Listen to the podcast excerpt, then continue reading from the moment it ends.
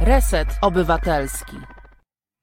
Dobry wieczór, minęła 21, jest czwartek, a więc w Resecie Obywatelskim startujemy z programem To jest wojna. Witam Państwa, którzy są już z nami i witają się na czacie, a także wszystkie osoby, które się jeszcze na czacie nie pojawiły, ale są z nami. Witam Państwa bardzo serdecznie. No dzisiaj, dzisiaj smutno nieco, e, nie ma co ukrywać. Mamy sponsora programu, Albin Drus, dziękujemy serdecznie. Dzisiaj będziemy dzięki Tobie e, rozmawiać i tutaj wspólnie obywatelować. Mam nadzieję, że no mimo, że wiadomo, dzień jest trudny, dzień jest ciężki i te, i te nastroje są naprawdę takie już, e, no wiadomo jakie, no są, jest, jest to przygnębienie, jest trochę tego strachu, jest lęk, no i właśnie Pan Bogusław tutaj celnie zapytał, to jest wojna, to jest ten komentarz, który właśnie miałam w tym momencie przytoczyć. No wygląda na to, że jest wojna, dzisiaj wszyscy żyją tym, co na Ukrainie, i wszystkie oczy na tę Ukrainę są zwrócone. Wybrzmiał hymn przed chwileczką na, na start. I powiem Państwu, że ja tak myślałam o tym, czy uda się dzisiaj chociaż na chwilę, jakby e, odetchnąć od tego tematu. Jeżeli będziecie Państwo chcieli na ten temat rozmawiać, no to oczywiście jak najbardziej z gościnią, którą już za chwileczkę zaprosimy. Mm, pewnie o tym, co można zrobić, jak pomóc e, o takim aktywizmie małych, małych czynów będziemy rozmawiać, bo przecież my wszyscy tutaj, jak, jak jesteśmy teraz wieczorem, nie, nie wsiądziemy w samochody i nie pojedziemy na tą Ukrainę pomagać, ale z Polski też można wiele bardzo zrobić. Tak, tytuł audycji niestety okazał się dzisiaj właściwy, panie Waldku, a tak już przecież chcieliśmy od tej wojny i od tej retoryki wojennej troszeczkę uciec i odpocząć.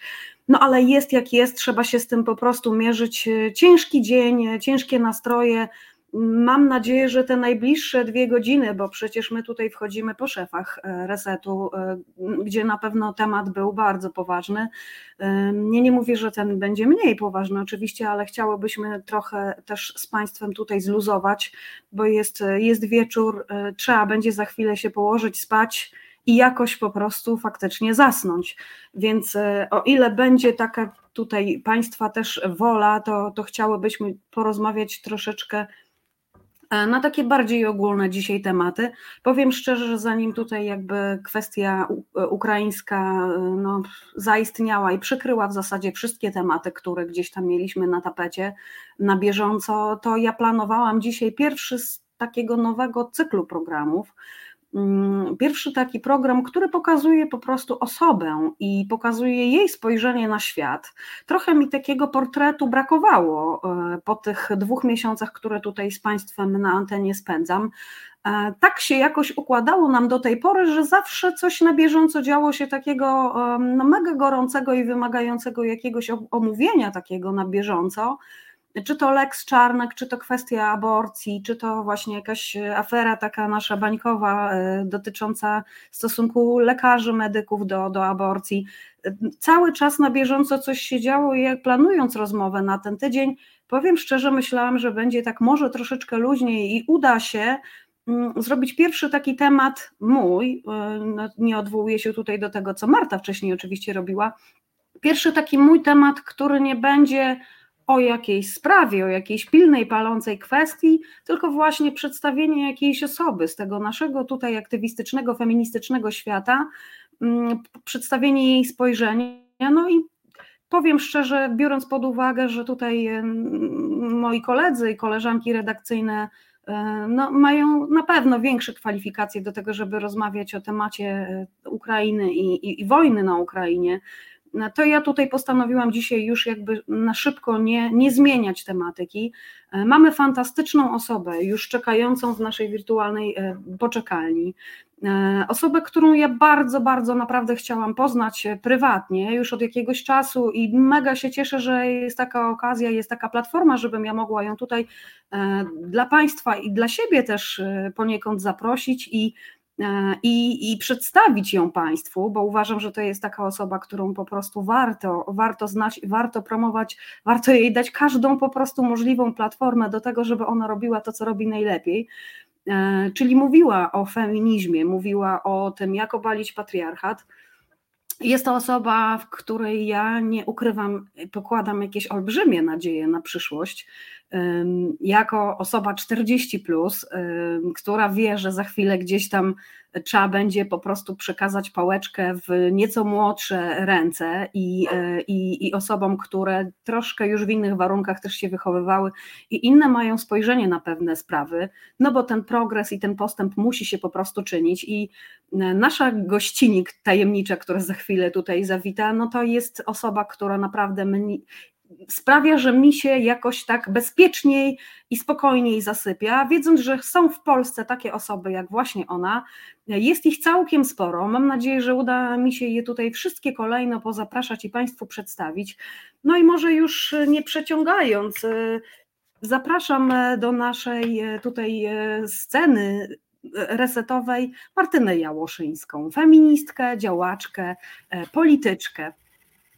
Dobry wieczór Państwu. Dobry wieczór. Dominiko tak mnie przeprosi, że przedstawiłeś, że ja się najpierw wzruszyłam, jak mówiłaś o Ukrainie, a potem się wzruszyłam, jak mówiłaś o mnie. Więc...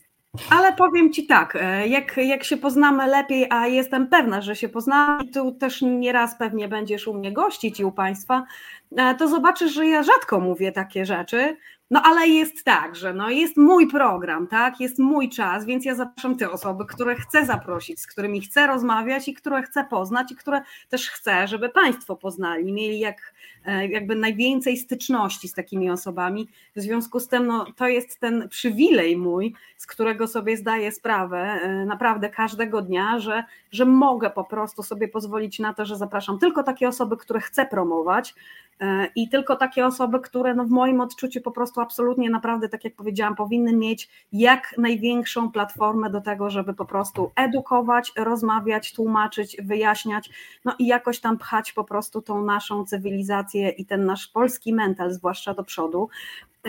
Martynę mogę Wam Państwo przedstawić w ten sposób. Jest to jedna z takich osób, które e, robią kupę roboty w, w social mediach, ale nie tylko, bo także w realu, bo Martyna jest na wszystkich protestach, e, Martyna jest wszędzie tam, gdzie się coś dzieje, ale też e, no, od, naprawdę robi kawał dobrej roboty w social mediach, takiej roboty, ja bym powiedziała, edukacyjnej, no może nie w sensie stricte, ale jednak e, dotyczącej właśnie wszystkich tych, tych, tych jakby zagadnień, które nas tutaj w tym programie najbardziej interesują, czyli chociażby tego feminizmu, tak, aktywizmu, E, no i e, czekałam na ten moment bardzo. E, powiedz mi, Martyna, jak ty się gdzieś masz przedstawić komuś naprawdę w takiej kwintesencji, to jak ty się przedstawiasz? Hmm.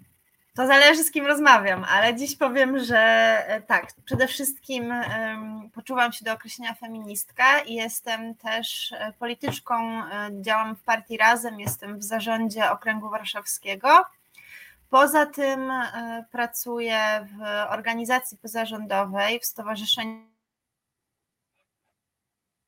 które pomaga osobom z niepełnosprawnościami i od pewnego czasu pracuję też w pomocy społecznej, mianowicie w e, Centrum Pomocy Społecznej w Śródmieściu w Warszawie, co jest tak, taką nową przygodą, którą odkrywam i w której się bardzo odnajduję. Powiedz, jak to się stało, że ty w ogóle e, się jakby zaczęłaś e, uprawiać aktywizm? Skąd ty się wzięłaś w tym aktywizmie?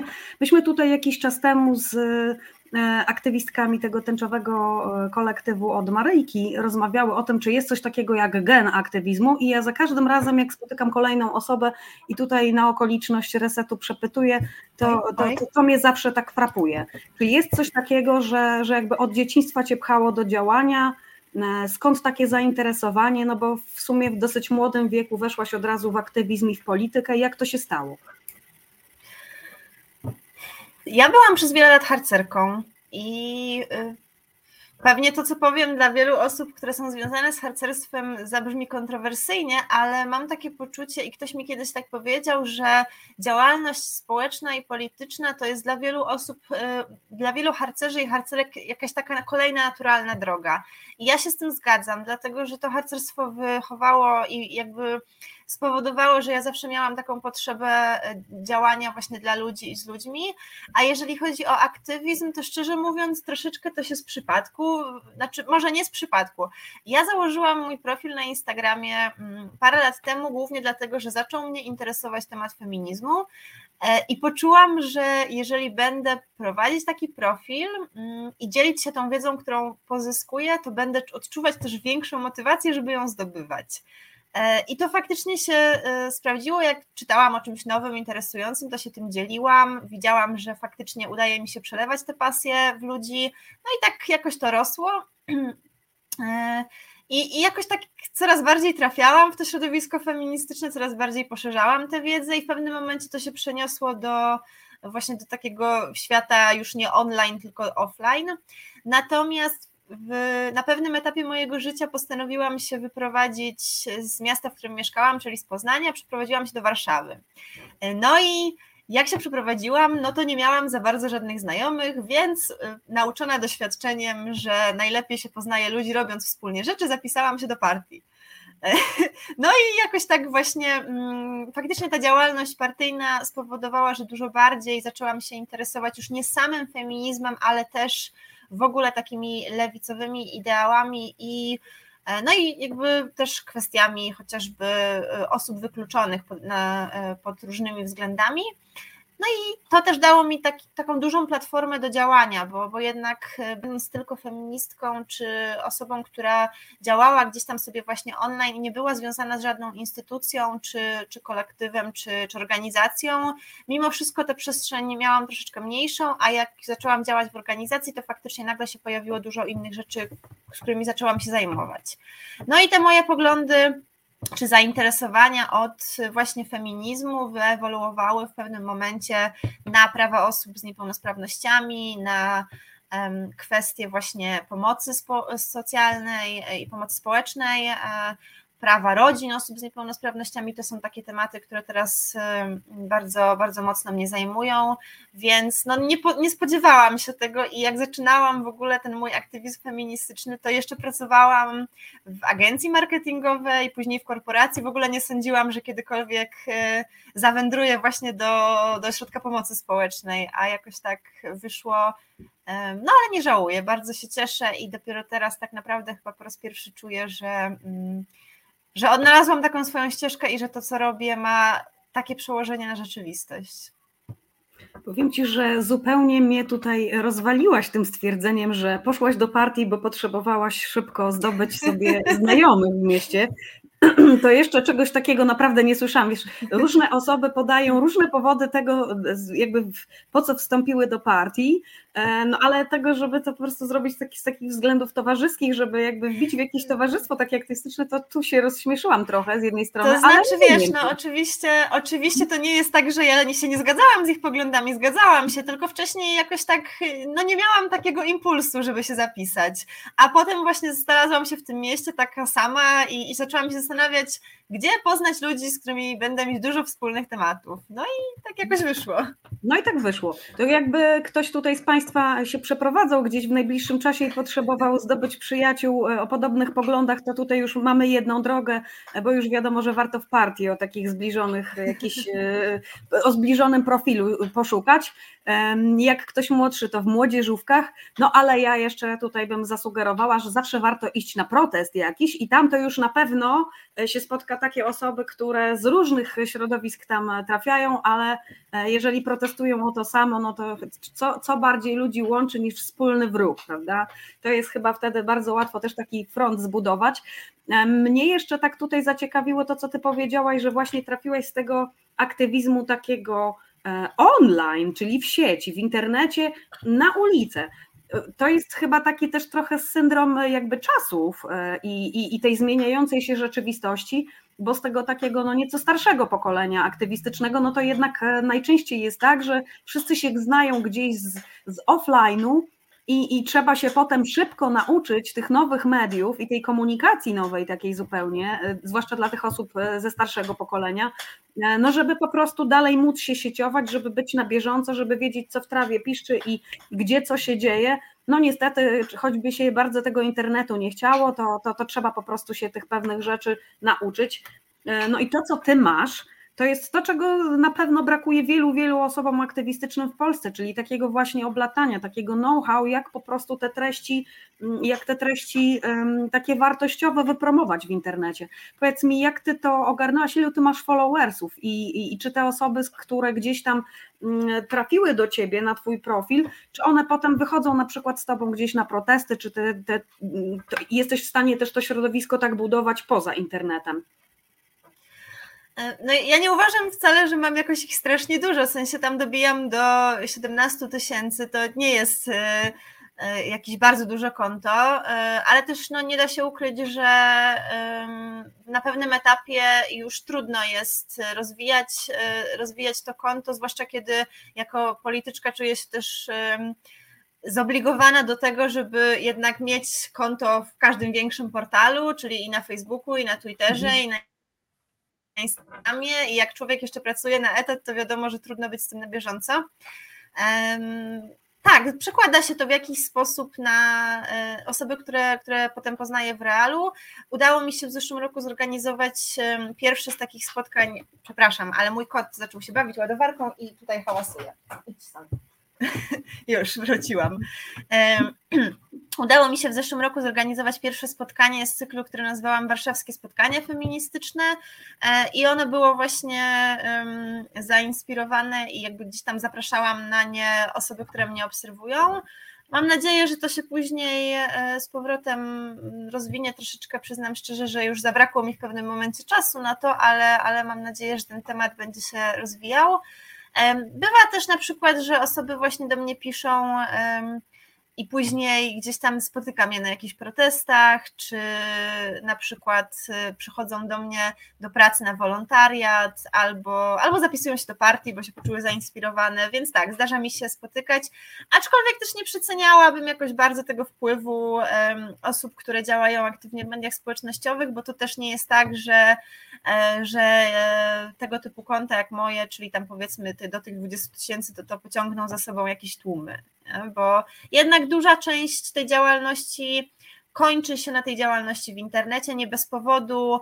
E, jest sporo osób, które krytykują gdzieś tam ten internetowy aktywizm. Mhm. No właśnie, ja uważam, że ten aktywizm internetowy jest potrzebny, bo, bo trzeba dotrzeć po prostu do odbiorców potencjalnych e, tych naszych treści różnymi kanałami. Są takie osoby, które ja sama znam, które naprawdę bardzo dużo robią e, dobrego e, w sprawie, E, ale no, z różnych powodów nigdy nie wyjdą na ulicę. To są osoby, które mają fobię społeczną, to są osoby, które mają jakieś choroby, które uniemożliwiają im na przykład wyjście w tłum, gdzie jest wiadomo, no, czasami niebezpiecznie, gdzie są jakieś, e, no, gdzie są jednak bardziej narażone na przykład na jakieś infekcje. E, no i fajnie, jak wtedy te osoby mają takie umiejętności i takie zasoby, że mogą na przykład chociażby w tym internecie pewne treści szerować, udostępniać i też właśnie edukować. Każde takie ręce są zawsze na wagę złota, bo przecież do ludzi trzeba dotrzeć, trzeba obsłużyć to wszystko, o czym ty tutaj powiedziałaś, czyli te wszystkie profile, moderować komentarze, banować e, troli, no, robić grafiki, robić mnóstwo naprawdę rzeczy, bo E, no bo jak ktoś cokolwiek w social mediach robi, to wie, że to jest naprawdę ogromny nakład czasu i pracy potrzebny, żeby takie profile rozwijać i żeby cały czas być w stałym kontakcie z tą, z tą jakby tą publicznością, tak, z tymi mhm. odbiorcami. E, tutaj już z braku lepszego słowa użyłam tego słowa publiczność, no ale wiadomo, że tu chodzi tak naprawdę o tą grupę, która gdzieś tworzy społeczność i faktycznie e, wspiera e, te, tych aktywistów potem w realu. Mm, no tutaj w ale zasadzie. Oczywiście, że tak. A ja tylko dodam jeszcze, wiesz, też myślę, że ważne jest to, że ten internet daje głos nie tylko tak jak powiedziałaś, osobom, które e, na przykład nie wyszłyby na demonstracje, ale też na przykład osobom z małych miejscowości, które albo tak jak ja, osobom, które jakby na żywo nie miały za bardzo tej grupy ludzi, która by ich wciągnęła w te działania. Bo prawda jest taka, że ja w, jakoś tam w moim otoczeniu nie miałam um, osób, które byłyby jakimiś takimi wzorami feministycznymi dla mnie bardzo dużymi, czy nie wiem, nie, nie widziałam wokół siebie żadnej takiej na przykład grupy właśnie feministycznej, w którą mogłabym się włączyć i ten internet dał mi możliwość poznania takich osób, i dowiedzenia się, w jaki sposób i gdzie ja mogę się zaangażować. Gdyby nie te media społecznościowe, to przypuszczam, że nie poznałabym bardzo wielu aktywistek, które też zaczynały od mediów społecznościowych, ale te ich działania się potem przeniosły, um, przeniosły do, do offline'u właśnie, więc myślę, że to jest jednak duża wartość. Oczywiście no, media społecznościowe są tylko narzędziem i zależy jak, jak je wykorzystujemy, prawda? Mhm, no i tutaj teraz nasunęły mi się dwa takie pytania y, na gorąco od razu do tego, co powiedziałaś. E, I pierwsze to jest takie, jak zaangażowałaś się już w tą działalność taką poza internetem, zaczęłaś wychodzić na ulicę, potem zaangażowałaś się też w działalność partyjną, no cały czas pracujesz, też zajmujesz się jakby równością na co dzień po prostu zawodowo. E, jak twoja rodzina, jak twoi najbliżsi na to, że ty wybrałaś taką, a nie inną drogę życiową, wiedząc jakby jak ten aktywizm w Polsce jest w tym momencie po prostu niebezpieczny? Myślę, że moi rodzice nie, nie wiedzą o wielu rzeczach, które robię. No to teraz się dowiedzą, nie daj Boże, to dopiero będzie, nie? To znaczy, na początku faktycznie traktowali to jako jakąś taką fanaberię. Mama się trochę za głowę złapała, jak usłyszała, że zapisałam się do partii. Myślę, że dzisiaj. Dzisiaj nawet zdarza mi się myśleć, że są ze mnie dumni i gdzieś tam dzielą się tym, że, że jakoś, jakoś działam. Tak, ale, ale faktycznie nie sądzę, żeby kiedykolwiek przyszło im do głowy, że, że to może być niebezpieczne, zanim nie zaczęły się te protesty zeszłego roku, czyli e, po, po wyroku Trybunału. Wtedy pamiętam, że dzwoniłam do mojej mamy uprzedzić ją, że e, może być tak, że na przykład zatrzyma mnie policja i, i spędzę następne 24 godziny w areszcie więc musi się z tym liczyć. E, ale generalnie jakby odczuwam dosyć duże wsparcie ze strony, ze strony rodziny. Sądziłam, że będzie z tym większy problem. Powoli mam też wrażenie, że te moje mm, jakieś feministyczne przekonania tak stopniowo przechodzą na pewnych członków mojej rodziny.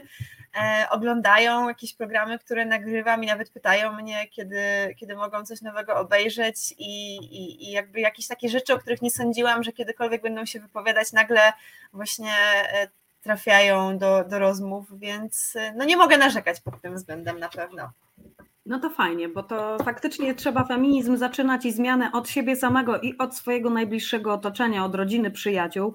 Super, że, że o tym mówisz, bo, bo to jakoś rzadko wybrzmiewa w takich rozmowach, że gdzieś tam też można własną rodzinę po kolei e, douczyć, doedukować i coś zmienić w postrzeganiu. E, nawet te takie czasami osoby najstarsze, które wydaje się, że no już raczej E, mają wykrystalizowane poglądy, czasami gdzieś tam pod wpływem działalności, nie wiem, syna, córki, wnuka, wnuczki, e, zmieniają zdanie w wielu sprawach i to jest mega cenne, e, bo taka jedna osoba, która naprawdę szczerze zrozumie, uwierzy i jest gotowa po prostu iść i dalej być tą adwokatką, adwokatem, który gdzieś, gdzieś kolejne osoby przekonuje do pewnych racji, edukuje, E, super to jest. No i jeszcze mnie tak zafrapowało to, co powiedziałeś, że nie miałaś takiej osoby, która by cię jakoś inspirowała w otoczeniu, e, a poza tym jakby no, poznańskim środowiskiem, zanim trafiłaś do Warszawy, czyli w zasadzie no, tam, gdzie się e, taki medialno-aktywistyczno-artystyczny tygiel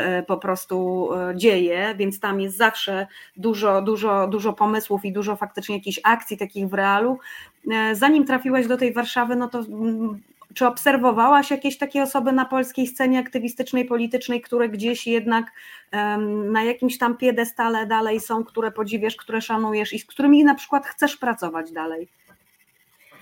Prawdę mówiąc, y, Wiesz, wydaje mi się, że ten mój aktywizm i w ogóle zainteresowania tak naprawdę bardzo gwałtownie się zmieniły w momencie, kiedy zapisałam się do partii, bo po prostu um, zaczęłam się interesować nagle bardzo wieloma rzeczami. Kiedy jeszcze byłam w Poznaniu, no to gdzieś tam ten feminizm zaczął się pojawiać, ale to było takie bardzo powierzchowne i oczywiście moi, moi przyjaciele i, i to moje środowisko też poznańskie, ono ma bardzo równościowe poglądy, i, ale po prostu jakoś nikt nie działał w żadnych takich organizacjach, to gdzieś tam jakoś nie, nie był temat, którym byśmy się bardzo, bardzo interesowali, więc ja też nie zaprzątałam sobie jakoś tym, tym bardzo głowy. Później, no właśnie, kiedy zapisałam się do Razem, poznałam no, niesamowicie dużo różnych osób zaangażowanych w różne działania i, i to po prostu no, eksplodowało nagle. nagle się okazało, że jest tyle rzeczy, które, których chciałabym wiedzieć więcej, bo które mnie interesują. Jeżeli chodzi o osoby, które, które obserwowałam, które mnie inspirują, to wydaje mi się, że to było, w sensie kojarzyłam oczywiście jakieś tam nazwiska e, znanych, znanych osób, które, czy, czy na przykład właśnie feministek, ale dzisiaj, prawdę mówiąc, te jakieś autorytety, które, które miałam wtedy, to nie są już dzisiaj osoby, które jakoś bardzo, którym poświęcam bardzo dużą e, uwagę, dlatego że uważam, że w Polsce ten feminizm jest jednak mimo wszystko mocno reprezentowany nadal przez akademiczki e, oraz feministki liberalne, z którymi ja jednak mimo wszystko nie do końca się utożsamiam, ponieważ utożsamiam się z tym bardziej socjalną częścią feminizmu. E, a jeżeli chodzi o feminizm akademicki, to po prostu uważam, że jest za trudny, w takim sensie, że to nie jest feminizm, który trafi do milionów polskich kobiet. I, i też dla mnie jest czasem trudny, w sensie ja czasem jak słucham, e, bo jakby moim głównym celem w komunikacji jest to, żeby mówić w sposób prosty, żeby docierać z przekazem naprawdę do, do kogoś, kto Kto z tym się styka po raz pierwszy z tym tematem, a, a nie tylko do osób, które mają doktorat albo mm, no, przeczytały 100 feministycznych książek. Kiedy studiowałam, ponieważ w zeszłym roku e, kończyłam dyplom z Gender Studies,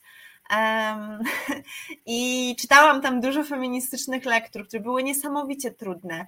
I wśród nich wyróżniała się bardzo mocno Bell Hooks, no, która jest moją e, idolką, jeśli chodzi o literaturę feministyczną, właśnie dlatego, że Bell Hooks celowo pisała w sposób, który miał być zrozumiały dla każdego. I tę książkę po prostu czyta się, jak się jest w tym zalewie literatury feministycznej i sięga się po tę książkę, to, to jest po prostu jak, jak wynurzenie się z oceanu i oddech pierwszy po takiej długiej przerwie, bo nagle można po prostu zrozumieć to wszystko, co ona próbuje przekazać w takich prostych prostych słowach, naprawdę zrozumiałych dla każdego, a nie okraszonych tym takim akademickim żargonem. Więc do, dokonałam też takiego dużego przewartościowania um, tych osób, które obserwuję i których działaniami czy, czy wypowiedziami się inspiruję. Mhm. No akurat bardzo rezonuje też ze mną to, co powiedziałaś w tym momencie, bo e, no ja akurat jako, jako z wykształcenia dziennikarka pamiętam takie słowa profesora Bralczyka, który zawsze tłumaczył jakby studentom, że studentkom, że no trzeba tak pisać i tak mówić, żeby po prostu zrozumiał i profesor i jakiś tam e, cieć, e, który pracuje na uczelni. Trzeba do każdego umieć trafić i e, nie chować się za jakimś parawanem wiedzy tutaj szamańskiej, za jakimiś trudnymi pojęciami, zdjęciami, tylko naprawdę jakby no celem jest ta komunikacja, to żeby się z drugą osobą porozumieć, e, no i jak będziemy po prostu tutaj szprycować wypowiedź jakimiś trudnymi słowami, jakimiś e, branżowymi, e, branżowym językiem po prostu, no to z komunikacji są nici i możemy mieć wrażenie, że jesteśmy bardzo mądrzy i mamy naprawdę takie głowy tutaj napompowane wiedzą, a tej komunikacji, czyli tego, co najważniejsze nie ma.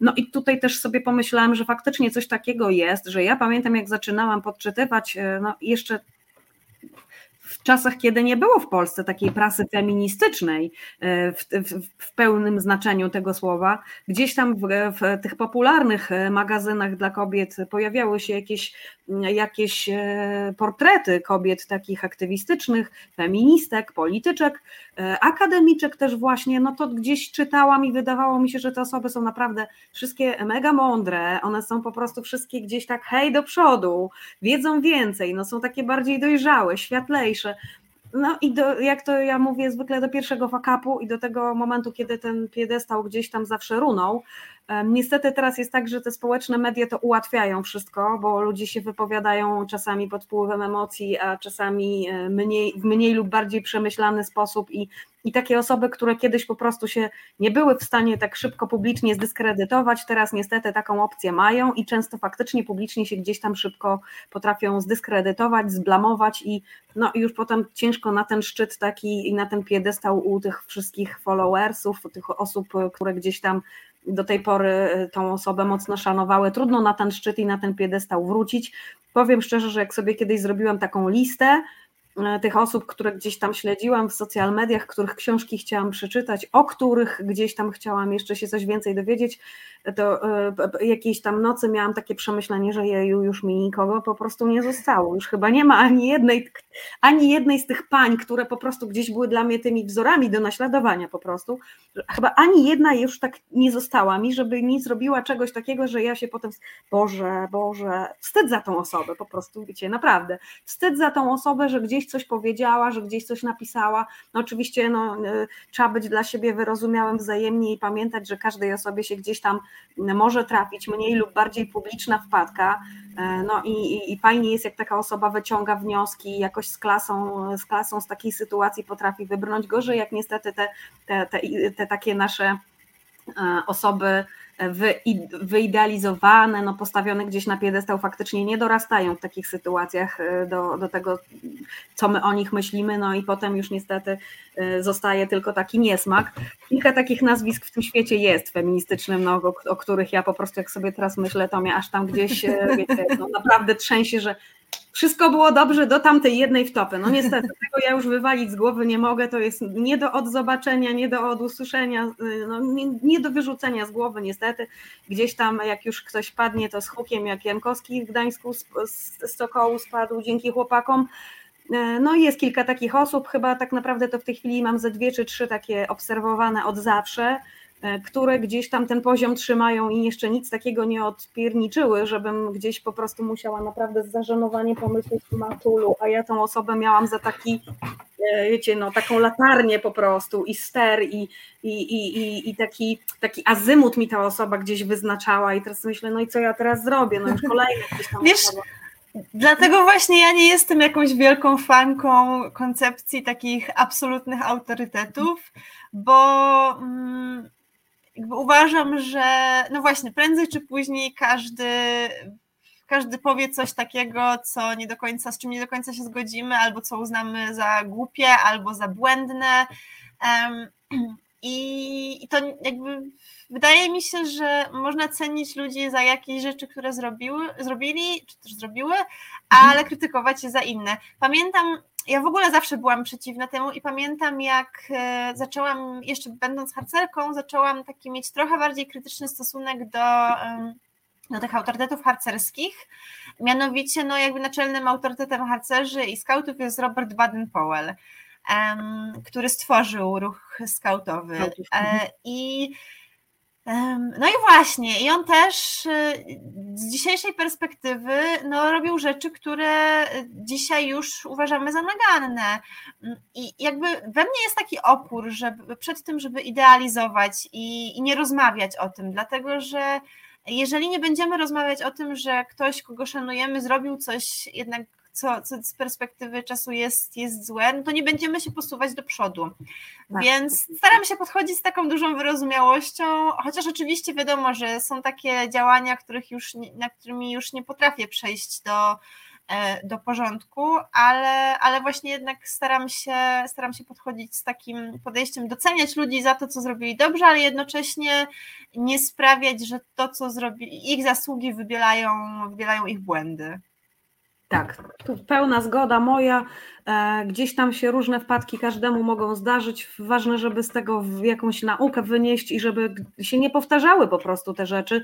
E, ja jestem akurat też z tego skrzydła takiego aktywistycznego, które uważa, że czasami trzeba czyścić szeregi. Są takie osoby, które robią rzeczy e, jednocześnie, czy robią rzeczy w sensie takim aktywistycznym, a czasami no jednak robią też na boku rzeczy, które absolutnie no, pff, absolutnie no, są nie do przyjęcia i wtedy w takiej sytuacji po prostu czasami trzeba się odciąć. Pewnie Państwu znane jest tutaj e, naszym widzom, widzkom to pojęcie call-outu.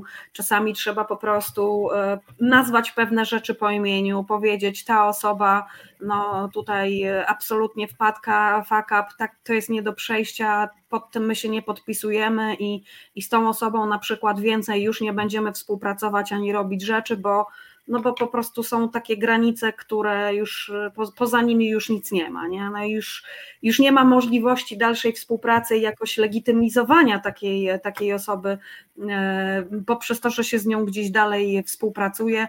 Myślę, że tutaj co do tych granic, to wszyscy by się Państwo zgodzili, że jest po prostu pewna uczciwość, e, pewna szlachetność, no, e, nawet jeżeli ktoś jest świetny w robieniu protestów, w organizowaniu demonstracji, no to jeżeli, nie wiem, e, gdzieś kradnie, robi coś, co nie tylko jest nielegalne, ale też jakby no, nieetyczne, no to, to nie chcemy z taką osobą nic więcej mieć wspólnego i nic z nią na pewno nie chcemy robić. To jest jakby tutaj oczywiste. No, czasami mm, pytanie, gdzie, gdzie można jeszcze pozwolić komuś na to, żeby żeby wrócił gdzieś na łono społeczności, gdzie, gdzie dać tą drugą, trzecią, czwartą szansę. No i pytanie o te kolauty, czy, czy faktycznie taka ta kultura, taka zwłaszcza wśród tych, tych najmłodszych osób aktywistycznych, że pierwsza wpadka już w zasadzie dyskredytuje, skreślamy osobę, jest to cancel culture, czyli po prostu się taką osobę kanceluje. Ja się tutaj mogę uśmiechnąć, bo ja mam troje nastolatków w domu i, jestem e, samotną mamą, sama, samodzielną z nimi, więc jakby e, jestem trzy razy dziennie po prostu kolautowana i pięć razy dziennie kancelowana, zawsze powiem coś nie tak, jestem boomerką, chociaż nie jestem boomerką, e, stosując się już jakby tutaj naprawdę ściśle do tej terminologii, no jestem za młoda jeszcze, żeby być boomerką, ale dla nich już jestem absolutnie po prostu osobą, która powinna jako aktywistka świecić przykładem i powinna zawsze być na bieżąco i wszystko wiedzieć, a jednak gdzieś tam czasami jeszcze coś e, się zdarzy nie takiego powiedzieć, czy, czy, czy nie tak zareagować i no i, i, i, wtedy ja się śmieję, słuchajcie, no już dajcie spokój z, tym, z, tą, z tą kulturą po prostu kancelowania. No nie możecie matki unieważniać pięć razy dziennie, tylko dlatego, że gdzieś coś jej się jeszcze po staremu wypsnęło. No i tutaj tak sobie myślę, że teraz my, my śmieszkujemy, no ale faktycznie tak bywa, że czasami gdzieś jakieś, e, jakaś grupa e, po prostu unieważnia całkowicie pracę wieloletnią czasami jakiejś osoby i gdzie ta granica jest, bo mam wrażenie, że czasami te nasze inby bańkowe to, to też już jest takie mega przegięcie, przerysowanie i, i to trochę wszystko gdzieś nietrzeźwo się już odbywa.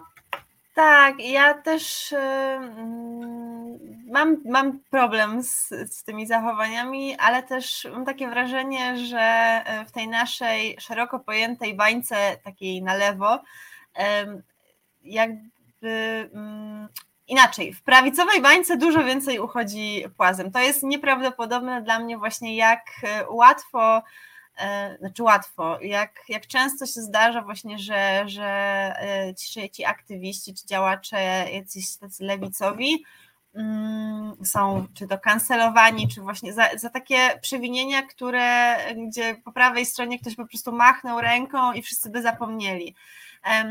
I oczywiście wiadomo, że tu jakby jest y, dużo mniejsze przyzwolenie na pewne działania, ale z drugiej strony, czy to nie jest trochę tak, że w ten sposób naprawdę um, skreślamy osoby, które, które mogłyby zrobić jeszcze dużo dobrego e, i sami sobie y, sami tracimy sojuszników, a z drugiej strony zawsze za mną chodzi takie pytanie, w którym momencie można uznać, że ta osoba pracowała te swoje błędy. Nie? I E, często pamiętam, że kiedy zaczął wybrzmiewać ruch e, mitu, e, to jakby miałam takie właśnie przemyślenia i wiem, że nie ja jedna, bo nawet tak się złożyło, że rozmawiałyśmy o tym właśnie podczas któregoś zjazdu na, na studiach tych genderowych, w którym momencie można stwierdzić na przykład, że ta osoba, która nie wiem, hipotetycznie 15 lat temu dopuściła się molestowania, a później zaangażowała się w działania na, na rzecz kobiet, teraz to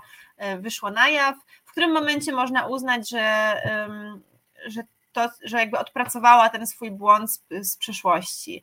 E, to jest też takie to w kontekście tej cancel culture mnie zawsze interesuje, czy, czy jakby skreślamy już na zawsze i jakby w jakim zakresie skreślamy, czyli czego ta osoba już nie może robić, a w którym momencie już je można wy, wybaczyć i które na przykład, nie wiem, funkcje publiczne będą dla niej już z powrotem dostępne. Dostępne. Mhm. To jest tak, to jest mega trudne. Ja też y, nieraz się sama y, jakby borykałam z takimi rozgraniczeniami i z taką rozkminą po prostu, czy to już jest ten moment, że ja z kimś nie chcę mieć do czynienia i muszę się na przykład od jakiejś grupy, jakiegoś kolektywu um, odciąć po prostu. E, powiem szczerze, no ja jako tutaj osoba, która reprezentuje strajk kobiet i reprezentuje też fundację, bo ja jestem członkinią zarządu Fundacji Strajk Kobiet, no wiadomo, my, my, my dużo rzeczy robimy, robimy też błędy bardzo często, nie ma co w ogóle ukrywać, my same sobie z tego zdajemy sprawę w kolektywie, że no popełniamy też jakieś błędy, ktoś, kto nie robi, tylko nie popełnia błędów, ktoś, kto po prostu absolutnie nie podejmuje działań. My często robimy rzeczy bardzo szybko, jesteśmy zmuszone po prostu tą presją taką społeczną do tego, żeby błyskawicznie zareagować. Znudzeni mainstreamowymi newsami? Czas na reset obywatelski. Zaangażowane dziennikarstwo. Tak, ja się zawiesiłam podobno, ale zostałam dosłownie wykopana ze studia, bo tak komenda. Przed chwileczką się tutaj dowiedziałam od Asi realizatorki, że tak się nazywa komenda wykop ze studia. Stałam wykopana, udało mi się tutaj zresetować połączenie i już jestem z powrotem. Nie jestem pewna, na czym tutaj akurat mnie przycięło, ale rozmawiałyśmy z Martyną przed piosenką e, o nadziei. No jest nadzieja, że już się nie pojawią takie problemy techniczne dzisiaj do końca rozmawiałyśmy o tej cancel culture, czyli o tym, że czasami po prostu społeczność, zwłaszcza ta aktywistyczna, bańkowa e, po lewej stronie, jak tutaj Martyna wspomniała, ta nasza ta leftbookowa społeczność, no nie, nie, nie ma zmiłu i po prostu jedna wpadka i do widzenia jest po człowieku, cała jego działalność e, z, jakby jest już e, zapomniana i po prostu, jakby to powiedzieć, wyresetowana od razu. Mm, no i właśnie o tym tutaj rozmawiałyśmy, że czasami strajk też miał takie sytuacje, że, e, że gdzieś ktoś coś chlapnął, coś powiedział, czasami naprawdę pod wpływem emocji, czasami na zasadzie takiego no dosyć mechanicznego jeszcze pojmowania e, świata i pewnych pojęć. E, te młodsze osoby są już zdecydowanie wrażliwsze, bardziej takie świadomościowo czasami naprawdę do przodu, nie mają pewnych takich naleciałości z wielu lat, chociażby w języku e, i dużo, dużo łatwiej im po prostu zapanować nad pewnymi rzeczami. U nas no nie ma co tutaj ukrywać, zdarza się osobom aktywistycznym z, z terenu, czy nawet z tego naszego topu strajkowego rzucić jakieś hasło, które już no nie bardzo jest ok i nie powinny takie wypowiedzi mieć miejsca. My się zawsze na tym jakoś uczymy. E, to, że ja jeszcze dalej jestem w tym kolektywie, to właśnie dlatego, że ten kolektyw się uczy i że po każdym takim fakapie, jak to się mówi, następuje jakaś po prostu jakaś refleksja. I zazwyczaj idzie za tym poprawa, i te rzeczy się nie powtarzają. No, mamy przestrzeń do popełniania nowych błędów, bo ciągle jest tutaj po prostu jeszcze tyle do zrobienia, że, że jak się dużo rzeczy robi, to ciągle gdzieś tam nowe przestrzenie się otwierają do tego, żeby gdzieś coś e, zepsuć po prostu, gdzieś coś powiedzieć nie tak, no ale inaczej faktycznie, tak jak wspomniałaś, byśmy się nie uczyli. I dobrze, jak jest to skrzydło, które mówi, tak się już nie mówi, to jest nie okej. Okay tak już nigdy się nie zachowuj w takiej sytuacji, bo to naprawdę już nie przejdzie. Ja się też cieszę, powiem szczerze, jak moje dzieci mi mówią, mamo, tak się już nie mówi, a nie przypomnę sobie chyba w tym momencie tego słowa, którego oni używają a, po angielsku, ale no jest takie słowo po prostu na język, który jest nie do przyjęcia. Oni mówią zawsze, że to jest slur, to jest slur, czyli to jest takie określenie, którego już absolutnie nie można używać i jak przychodzi do mnie moje 11-letnie dziecko i mówi, mamo, napisałaś na Facebooku coś tam, to jest slur, tak już nie wolno. Ja mówię, kurczę, już mi się wydawało, że ja już wszystko ogarnęłam po prostu, no ale wiecie, no, to pokolenie, które ja jeszcze reprezentuję, Martyna już kilka lat jest do przodu, jakby młodsza, więc ma troszeczkę też inny start, e, taki świadomościowy, no to, to, to my jeszcze mamy czasami tak, że naprawdę nie, po, nie pomyślimy, to gdzieś już jakby szczytem ale, ale... tego. Wiesz co, ja myślę też, że, um, że to jest nie zawsze też dobre w, w kontekście feminizmu, dlatego że feminizm powinien być ruchem dla wszystkich kobiet, mhm. E, walczącym o wszystkie kobiety, także mhm. o te kobiety, które no, w jakiś sposób um, no nie siedzą na tym leftbooku, prawda? Czyli tak. nie zawsze wszystko powiedzą tak, jak e, tak jak powinno się powiedzieć, często mówią o swoich doświadczeniach, o swoich krzywdach, a tym samym jakby powiedzmy, nie wiem, no posługując się jakimiś stereotypami.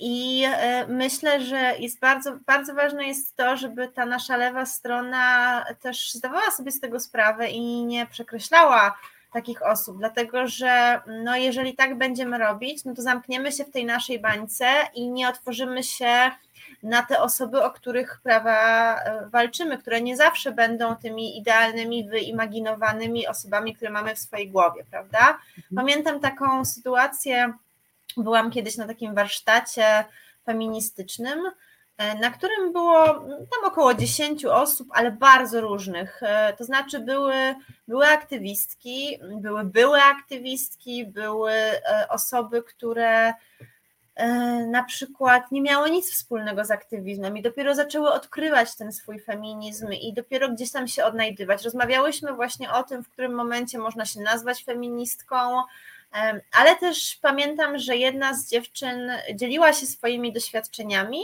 no i używała właśnie jakiegoś tam jakiegoś tam niefajnego określenia. No, na przykład mówiła tam dziwka, a nie pracownica seksualna. Na lewicy już coraz częściej mówi, mówi właśnie, używa określenia pracownica seksualna, żeby jednak mimo wszystko wyrażać się szacunkiem o, o takich osobach. Ale i, i byłam bardzo ciekawa, czy ktoś ją poprawi, ale nikt tego nie zrobił i pomyślałam sobie, że to jest właśnie jakby, że to jest okej, okay, że nikt tego nie zrobił, dlatego że no jakby ona nie robi tego w złej, w złej wierze, prawda? I jak, dopiero gdzieś zaczyna tę swoją drogę z, z tym feminizmem, uczy się pewnych rzeczy, między innymi właśnie też no, szacunku do, do kobiet zajmujących się różnymi rzeczami, czy podejmujących inne życiowe wybory. Um, i, i jakby to, że, że może nie robi wszystkiego w taki idealny sposób, jak, jak my byśmy chcieli, żeby było robione, to nie znaczy, że, że mamy od razu właśnie gdzieś, nie wiem, patrzeć na nią z góry, czy ją skreślać w jakiś sposób. Mhm. Czy wieszać psy. Tak, to jest taka podobna sprawa, jaka, jaką ja też ostatnio gdzieś tam obserwowałam na różnych forach, takich właśnie leftbookowych, że są na przykład te kobiety z przeciwnej strony tego światopoglądowego sporu i one są po prostu w mega czasami prostacki, chamski, niewybredny sposób atakowane.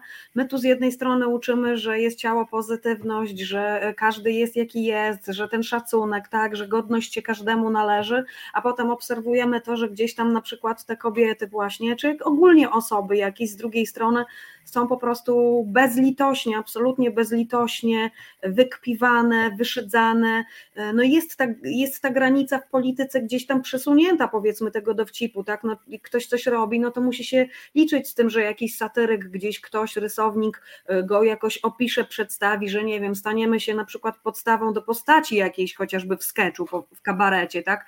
No ale jest jakaś ta granica, powiedzmy, szyderstwa, satyry, nie wiem, e, ironii nawet, e, a jest potem za tą granicą już po prostu hamstwo, prymitywizm, jakaś wulgarność, no e, nie wiem, e, chociażby tutaj ostatnio jakieś wpisy były mm, dotyczące Beaty Szydło, też Beaty Kępy, no i te feministki, prawdziwe feministki, ja tak tutaj przepraszam, że może tak powiem, ale te osoby, które już gdzieś tam jakąś tą świadomość mają, no jednak reagują zawsze, że to jest też osoba, ona może mieć inne poglądy, my nawet możemy uważać, że ona naprawdę robi ludziom wielką krzywdę, ale mimo wszystko gdzieś szanujmy się wzajemnie i pewnych rzeczy nie, nie mówmy, w pewien sposób nie opisujmy takich osób, nie wiem, nie, nie używajmy pewnych zwrotów, no bo jakby sobie tym wyświada, wystawiamy świadectwo i to jest też jakaś hipokryzja y, trochę czasami u pewnych osób, no nie mówię, że u wszystkich, u, u części być może brak świadomości tego, że no, to działa w dwie strony, my ani o sobie tak nie mówimy, ani o tych osobach z przeciwnej strony barykady, tak? Czasami faktycznie jednak jest to hipokryzja, bo są jakieś osoby, po których byśmy się spodziewali, czy spodziewały, że one nie zejdą poniżej pewnego poziomu, a pojawia się to i to jest po prostu kwestia jakiejś tam walki takiej politycznej, że, że świadomie te osoby gdzieś tam obrażają, ubliżają im, dyskredytują w taki naprawdę niewybredny sposób i, i to jest zawsze jakby no coś, co, co my się staramy jakoś e, pokazywać, może nie piętnować, ale pokazywać palcem, że to jest nie okay, bo może ktoś wyciągnie wnioski. E, I tutaj, tutaj pełna zgoda też z Tobą. Słuchaj, Ty wywołałaś tutaj e, kolejne moje pytanie o ten gender straszny. No i e, chciałam Państwu powiedzieć, że poza tym, że Martyna no jakby jest działaczką faktycznie e, i, i jakby zaczęła od tego aktywizmu takiego, e, przeszła do polityki i teraz zajmuje się taką działalnością też polityczną, to jest faktycznie no, wyedukowana e, bardzo już w tych takich wszystkich no, Myślę, że w porównaniu do takiej, do takiej naszej średniej aktywistycznej, no to ty akademicko jesteś wyedukowana, nie tylko tutaj jakby z ulicy i z, gdzieś tam z życia pewną wiedzę wynosisz, ale też ze studiów. No nie ukrywajmy, nie każdy y, gender studies studiował, więc ty na pewno masz tutaj takie podstawy solidniejsze niż, niż przeciętna osoba y, na ulicy walcząca o, o, o prawa człowieka. Jak ty reagujesz jako osoba, która ma dyplom z tego genderu osławionego tutaj, zwłaszcza w tych prawackich takich kręgach?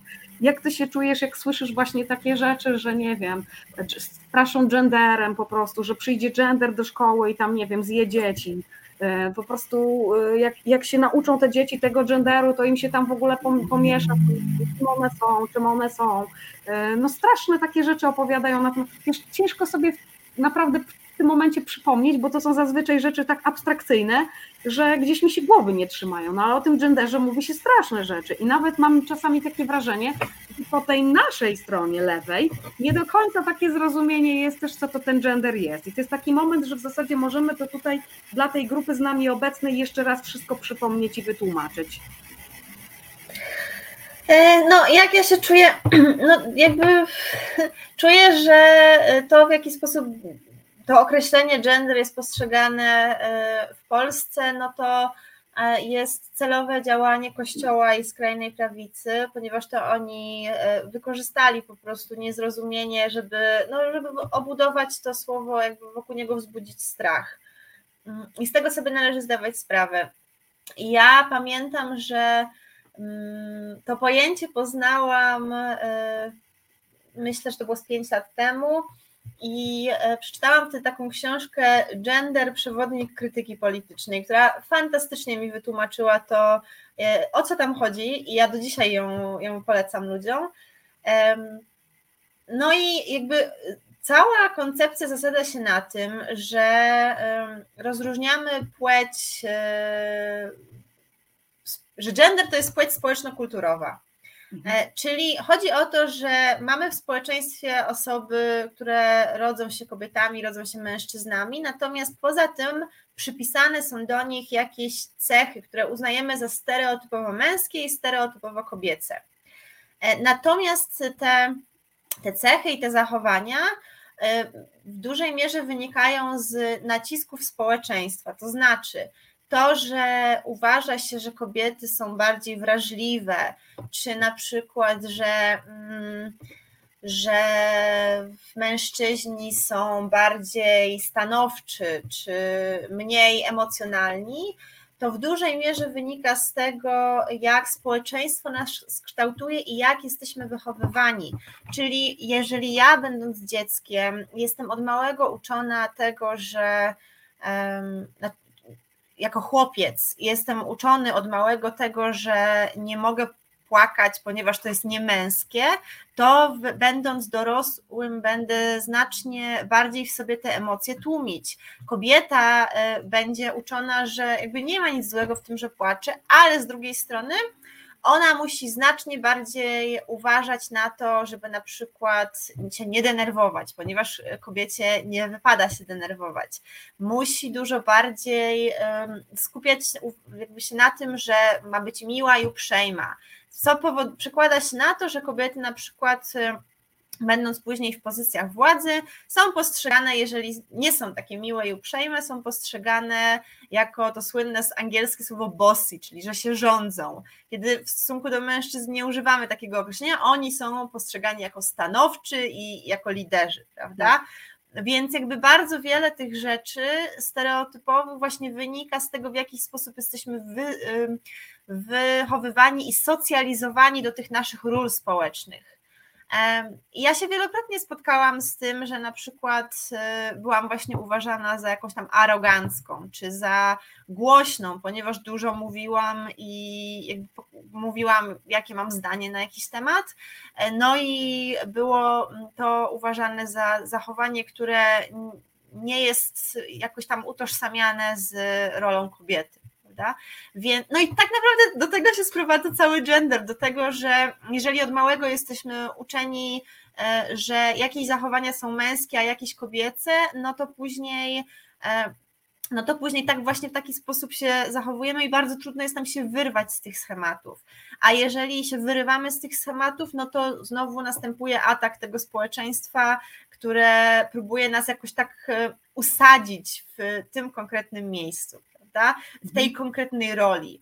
E, I dzisiaj możemy to obserwować, jest bardzo jakby jest trochę tak, że kobietom udało się w jakiś sposób wyrwać z tych ról i znacznie lepiej się odnajdują obecnie w tych nowych rolach, a mężczyźni jeszcze nie do końca umieją się odnaleźć w tym. Myślę, że jest im dużo trudniej, jest duża większa presja na nich. E, I tak kiedyś przeczytałam takie zdanie właśnie, że e, polskie kobiety wychowały niezależne córki, ale e, mimo wszystko nadal wychowały takich niepewnych siebie i zależnych od siebie synów.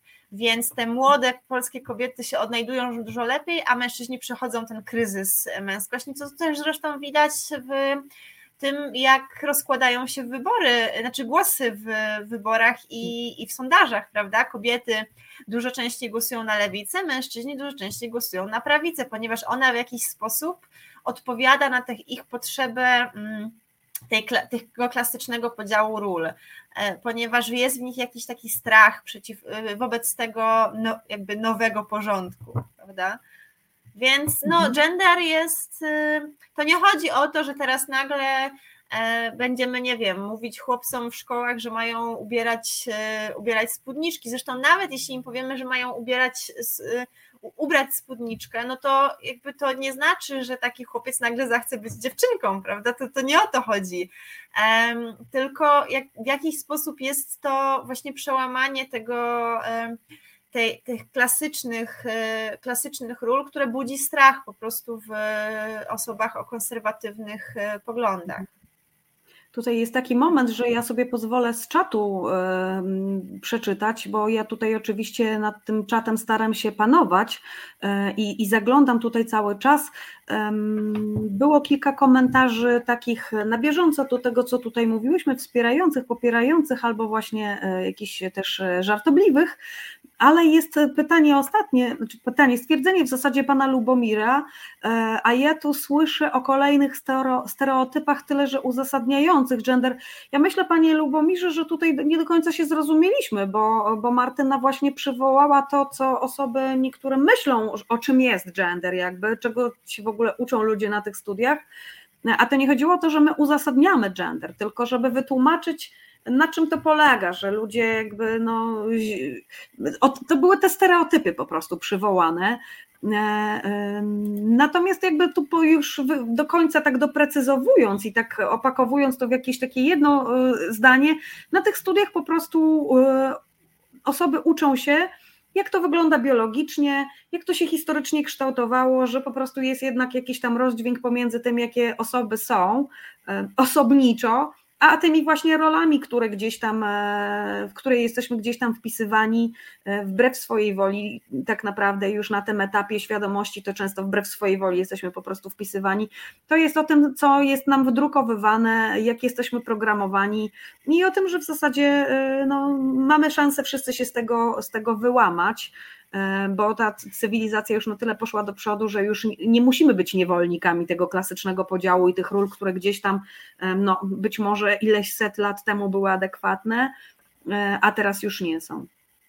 Gender Studies to, to, jakby są studia, które są w dużej mierze poświęcone feminizmowi, historii feminizmu, historii ruchów kobiecych, ale były też zajęcia o męskości, tym jak jest postrzegana współcześnie męskość jakby to, to są trudne studia i przyznam szczerze, że e, nie polecam ich każdemu, dlatego że są, tak jak powiedziałam, bardzo akademickie, dla mnie momentami no, było to bardzo trudne, dlatego że ja nie odnajduję się do końca w tej akademickiej rzeczywistości, zdecydowanie bardziej odnajduję się właśnie w takich działaniach na ulicy czy blisko ludzi e, i dyskursie znacznie mniej akademickim, a znacznie bardziej takim dotyczącym bardzo przyziemnych, e, przyziemnych spraw ale niewątpliwie potrafią poszerzyć, poszerzyć horyzonty. Ja jeszcze może powtórzę, jakby w rolach społeczno-kulturowych chodzi o to, że z racji tego, że rodzimy się kobietą czy mężczyzną, są nam przypisywane jakieś stereotypowe cechy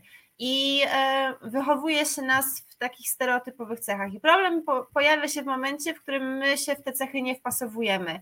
I wtedy mhm wtedy społeczeństwo, znaczy wtedy tak naprawdę patriarchat zaczyna nas opresjonować, bo zaczyna, próbuje nas usadzić w tych stereotypowych rolach. Czyli jeśli ja, no na przykład na moim przykładzie, y, rola polityka jest stereotypowo przypisana do mężczyzny. To się oczywiście teraz zmienia, no ale jakby tak było. I w momencie, w którym ja, będąc kobietą, e, zaczynam właśnie wykazywać te aspiracje polityczne, no to zwolennicy tej patriarchalnej e, wizji starają się mnie usadzić w tym, żebym jednak wróciła do tej stereotypowej roli kobiety i nie pchała się w miejsce, które nie jest mi przeznaczone, czyli właśnie w politykę, która jest uważana za, za męską. Tak. System bardzo nie lubi zmiany. To jest generalnie jedna z pierwszych cech systemu. System nie lubi zmian i, i, jak ktoś tą zmianę gdzieś wprowadza, to niestety często tak jest, że ten system robi wszystko po prostu, e, żeby to przyblokować i żeby taką osobę gdzieś spacyfikować. E, osoba myśląca nie będzie się podporządkowywała stereotypom, tak.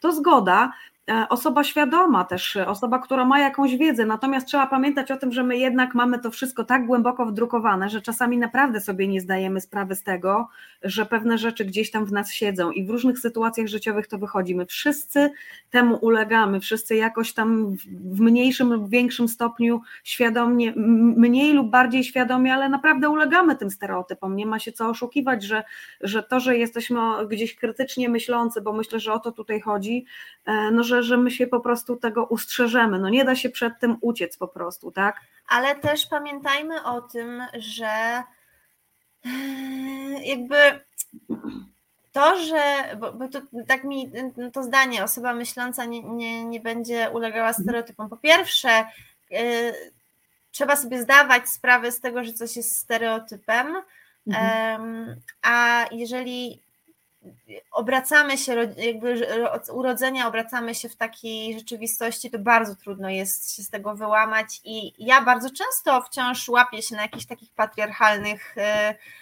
patriarchalnych podejściach, ale nawet jeśli już jesteśmy tą hipotetyczną osobą myślącą, która wyłamuje się z tego stereotypu, to należy pamiętać, że żyjemy w społeczeństwie i mhm. otaczają nas osoby, jeśli te osoby będą, i, i te osoby nie muszą być tak wyedukowane jak my, nie muszą być tak e, progresywne jak my, ale wciąż są częścią naszego społeczeństwa. Jeśli one dalej będą żyć tym stereotypem, to one będą w jakiś sposób e, uważały nas za takiego, za osobę, która e, jest jakiegoś rodzaju wyrzutkiem, czy, osob, czy, czy w jakiś sposób działa, no jakby, której zachowań nie rozumieją, prawda? I dlatego na przykład wracam do tego przykładu mojego, to, że ja się wyłamuję tym stereotypom i aspiruję do ról politycznych, to nie znaczy, że nie spotykam się z jakiegoś rodzaju krytyką czy opresją, która dla mnie jest trudna, prawda? Ponieważ nie każdy uważa, że, że te feministyczne poglądy są ok, osoby, ludzie będą mnie krytykować i gdzieś tam sprawiać e, będę się spotykać z jakimś hejtem internetowym, czy czy z jakimiś atakami na moją osobę, ponieważ nie każdy, nie, nie każdy się wyłamie tym stereotypom, prawda?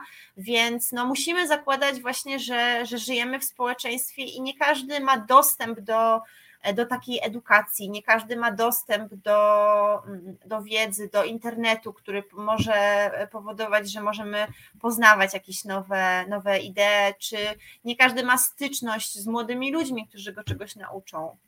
Mhm, tak. Tutaj jeszcze pan Lubomir dopisał e, jeden komentarz. że gender wyciągnął na wierzch jako coś godnego potępienia Kościół. I to jest też takie nawiązanie do tego, co ty już powiedziałaś, że żebyśmy nie zapominali, że są po prostu siły na świecie, e, potężne siły, dysponujące ogromnymi środkami po prostu finansowymi, które robią wszystko, żeby nas też w pewne, e, w pewne myślenie po prostu wtłoczyć, tak? Żeby ten postęp zahamować, bo takie są po prostu interesy, żebyśmy dalej tkwili w tym systemie poprzednim, żeby dalej był ten patriarchat chociażby, tak? E, więc to są naprawdę ogromne pieniądze i ogromna praca włożona w to, żeby nas dezinformować, żeby na przykład tak jak przy tym genderze, o którym rozmawiałyśmy, żeby po prostu to słowo e, tak negatywnie wypromować, żeby ono się każdej takiej przeciętnej osobie po prostu źle, tu, źle kojarzyło. Tak samo przecież było z tym słowem nieszczęsnym na F, feministka. Ja jeszcze do niedawna, przyznam się Państwu i przyznam się Tobie, Martyna, że naprawdę e, szlak mnie trafiał, jak słyszałam koleżanki, e, takie od roboty, które mówiły, tak, ja jestem za, za, tym, ja jestem za tym, żeby kobiety miały pełnię praw. Ja uważam, że kobiety nie są nic gorsze od mężczyzn, ale ja nie jestem feministką. I ja naprawdę zażarte, jeszcze jeszcze w zeszłym roku mi się zdarzało. Zażarte boje toczyłam, takie intelektualne oczywiście, z takimi osobami, próbując im wytłumaczyć, że jeżeli uważasz, że kobiety nie są gorsze od mężczyzn tylko dlatego, że są kobietami, no to tu już jesteś feministką, tak? Jeżeli uważasz, że wszyscy ludzie powinni mieć równe prawa, i, e, i, i są inni, ale wszystkim się należy taki sam szacunek, no to tu już jesteś feministką z definicji nie do zrozumienia, nie do przeskoczenia. Myślę, że tak naprawdę to to kwestia była niezrozumienia tego samego słowa, tego pojęcia, co to jest w ogóle feminizm, a nawet jeżeli ktoś niby rozumie tą słownikową de definicję, to po prostu był taki strach przed tą etykietką. No bo przecież co się tym feministkom przypięło? Najgorsze po prostu możliwe rzeczy, jakie chyba kobiety mogą spotkać, tak? Gdzieś tam w sensie językowym. No, najgorsze, najgorsze po prostu cechy zaraz tym, tym feministkom były przypisywane i to słowo się na jakiś czas tak po prostu źle jakby skojarzyło w takiej przeciętnej osobie, że no trzeba było dużej odwagi, żeby faktycznie wychodzić i próbować ten, tłum, ten feminizm odczarować, wytłumaczyć i naprawdę powiedzieć, tak, ja jestem feministką, ja się tego słowa nie boję. Myślę, że mm, tutaj problemem jest to, że określenie fem, ludzie się nie utożsamiają z feminizmem, ale należy sobie zadać pytanie, dlaczego się nie utożsamiają. Czy nie jest mhm. tak, że po prostu ten feminizm prezentowany w, mm, nie wiem, w mediach głównego nurtu um, był takim feminizmem, z którym przeciętna kobieta się nie utożsamiała, ponieważ nie uważała, że on mhm. walczy o jej potrzeby. I tutaj wracamy znowu do, do tej dyskusji o tym feminizmie akademickim oraz feminizmie liberalnym i rozróżnienia, które ja bardzo często właśnie o którym mówię, czyli rozróżnienia na feminizm socjalny i feminizm liberalny. Ponieważ feminizm liberalny e, ten e, to jest ten feminizm, który jakby skupia interesy przede wszystkim uprzywilejowanych kobiet z klasy średniej, z dużych miejscowości. I nic dziwnego, że przeciętna polska kobieta nie czuje, że te kobiety walczą o jakieś jej prawa, ponieważ, i to też jest przykład, który zawsze powtarzam, kobieta mieszkająca w małej miejscowości, pracująca w, w fabryce za minimalną krajową, będzie czuła znacznie większą więź z mężczyzną z tej samej fabryki, który też mieszka w małej miejscowości i ma te same problemy i też zarabia minimalną krajową mhm. i nie stać go na remont y, mieszkania, niż więź, którą czuje y, z y, bizneswoman z Warszawy, która zarabia kilkadziesiąt tysięcy miesięcznie tylko dlatego, że jest kobietą. To tak nie działa. I dlatego właśnie musimy zwracać uwagę na to, że kwestia finansowa, czy kwestia klasy, do jakiej e, przynależymy, kiedyś mówiło się o klasach, dzisiaj już bardziej mówimy powiedzmy o jakichś tam zarobkach, jest też przedmiotem opresji. E, I jeżeli mówimy właśnie o feminizmie, musimy zwracać uwagę na to, że ten feminizm nie może walczyć tylko o takie rzeczy, które dotyczą tych kobiet, które mają największe największe możliwości zaistnienia, czyli kobiet, które mają łatwe dojścia do mediów, mogą mówić o tych sprawach. Musimy walczyć też o, e, o sprawy zwykłych kobiet e, w trudnej sytuacji finansowej z małych miejscowości, takich, których są miliony w Polsce i dopiero kiedy one poczują, że ten feminizm reprezentuje ich interesy, to dopiero wtedy one też będą czuły, że mogą się określać tym słowem.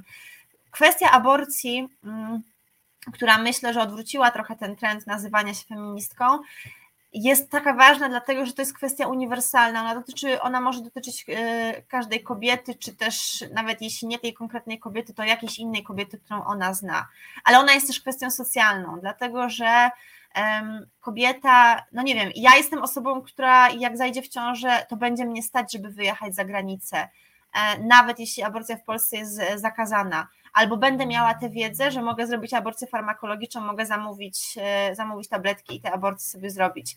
Ale kobieta w trudnej sytuacji finansowej, kobieta w przemocowym związku, kobieta w małej miejscowości, kobieta bez tej wiedzy, e, to ją bezpośrednio dotyka to prawo, znaczy ten zakaz, prawda? Więc tak, z jednej strony jest to jest to właśnie taka uniwersalna kwestia, a z drugiej strony no, trzeba akcentować, że to jest to właśnie ten element też tej, tej kwestii socjalnej. I, I moim zdaniem to, że nie było tego utożsamiania się ze słowem feministka, było właśnie dlatego, że te kobiety nie odczuwały, że się walczy o ich interesy. Mhm. I jakby to jest y, główne wyzwanie dzisiejszego polskiego feminizmu, żeby dać tym kobietom powód do tego, żeby one czuły, że, że słowo feministka to jest jakieś słowo, które je określa i że te feministki walczą też o, o ich prawa. Tak, że to nie są jakieś panie gdzieś tam z dużego miasta, które sobie dywagują o jakichś rzeczach, na które po prostu taka normalnie ciężko pracująca kobietka e, gdzieś tam w mniejszym mieście czy na wsi nie ma czasu, e, żeby to wszystko się stało takie bliżej człowieka. No ja myślę, że trochę się już zmieniło pod tym względem, bo same badania, które myśmy zrobiły w zeszłym roku, w 2021 na początku, w styczniu, lutym robiłyśmy i omawiałyśmy jakby też duże takie badania zrobione po protestach tych na koniec 2020.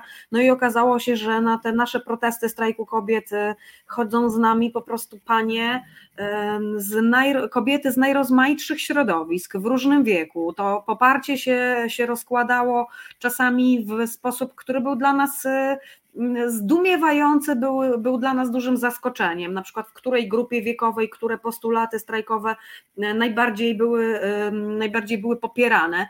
E, trochę nam to też e, jakby upewniło nas w tym, że idziemy dobrą drogą, że idziemy dosyć szeroko i zgarniamy po prostu osoby, które no, gdzieś tam się jednak mimo wszystko na krańcach mocno różnią w przekonaniach między sobą, no ale też pokazało, że to nie jest tak, że jesteśmy tylko dla młodszych osób, czy tylko dla osób w średnim wieku, czy tylko dla starszych, tylko że naprawdę gdzieś tam się w tych postulatach e, e, odnajdują e, kobiety w różnym wieku, ale nie tylko kobiety. Generalnie odnajdują się osoby w różnym wieku i z różnych zupełnie środowisk. Trochę to się faktycznie zaczyna zmieniać. Już tutaj nawiązuję do kolejnych kolejnych komentarzy na czacie. E, Gosia tutaj bardzo też jedną fajną rzecz poruszyła, e, o której e, jeszcze chyba nie mówiłyśmy, że coraz bardziej irytuje ją potępianie kobiet, które chcą żyć w klasyczny sposób i są tak traktowane, jakby były nieświadome swojego po położenia i to przeczy tej wizji rób jak chcesz. To się akurat idealnie skleja z moim takim kolejnym pytaniem, do którego już tutaj zmierzałam. Co jak nam już się uda mm. ten patriarchat przewalczyć i, i, i pokonać, obalić, co wiadomo, że się tak e, nie odbędzie, że jest jakaś ściana, mur i on nagle runie, tylko gdzieś tam po kawałeczku, po jednej cegiełeczce trzeba to po prostu systematycznie, nie, podają, nie poddając się rozmontowywać. No ale generalnie co zamiast tego patriarchatu, bo już o tym kryzysie męskości też, e, też e, wybrzmiało tutaj dzisiaj, o tym, że kobiety się jakoś już tam odnajdują, mm, bo mają o tyle łatwiej, że walczą o swoje. I jak nas napędza ten wkurw, brzydko mówiąc, jest po 22, więc już można, jak nas napędza ten wkurw, no to po prostu o te swoje się dopomnieć w końcu jest moim zdaniem no, nawet łatwiej tak psychologicznie, w porównaniu do tej grupy, która zostaje, wszystko jej się tutaj teraz zmienia, ziemia się panom po prostu usuwa spod stóp nagle i nie wiedzą kompletnie, co tutaj teraz w tej sytuacji zrobić, tak? I trochę by chcieli czasami, żeby było jak dawniej, bo to już znali i to jest jakieś tam już oswojone, a trochę by chcieli być sojusznikami, ale też nie wiedzą do końca jak i, i, i generalnie nie wiedzą, jacy oni mają być.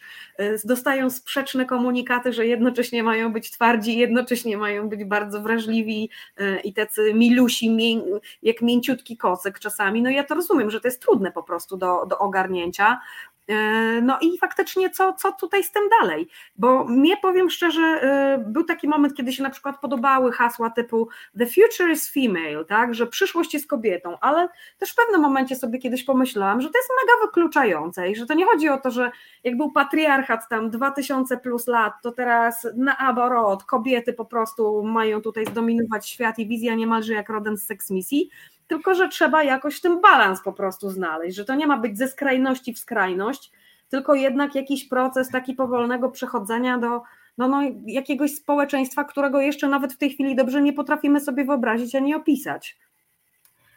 No, trzeba powiedzieć, że feminizm nie walczy o to, żeby um, rządziły kobiety. Feminizm walczy o równość.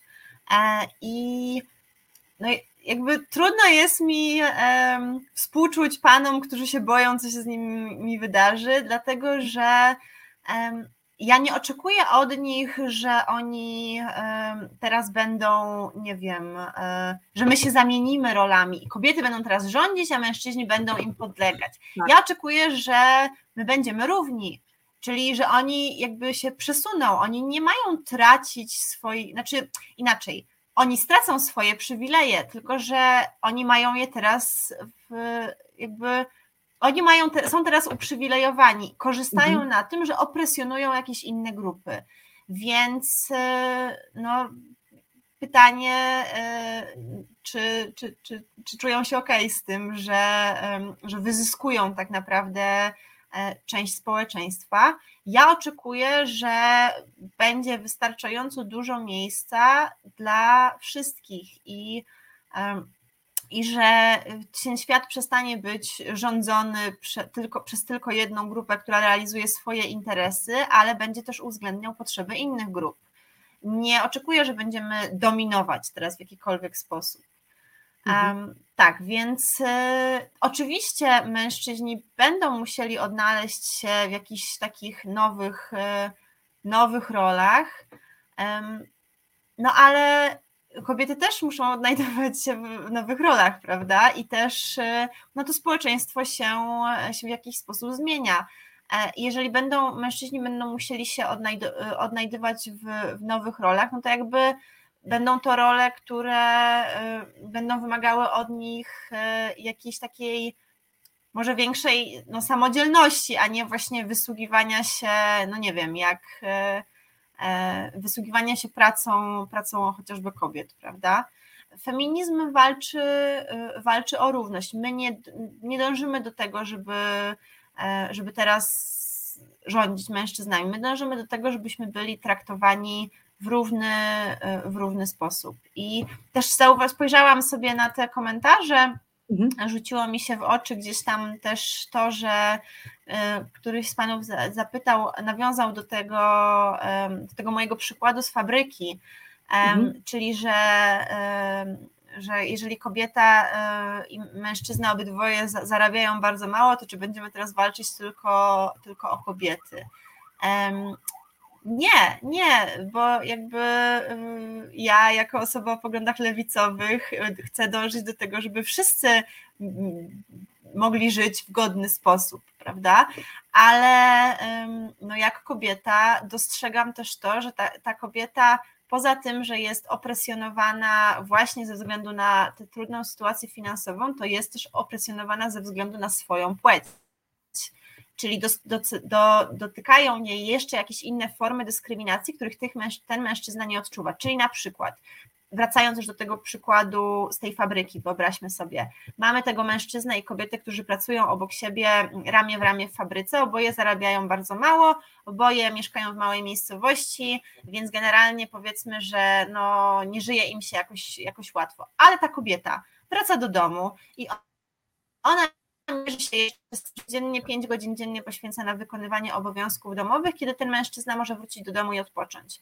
Albo ten mężczyzna może wrócić i poświęcić swoją uwagę dokształcaniu się, żeby za jakiś czas dostać awans, a ona musi wrócić i zajmować się dziećmi. Albo ten mężczyzna sfrustrowany tym, że nie dostaje tego awansu, wyładowuje swoją złość na kobiecie i ją dotyka przemoc, dlatego tylko, że jest kobietą i, i fizycznie jest słabsza.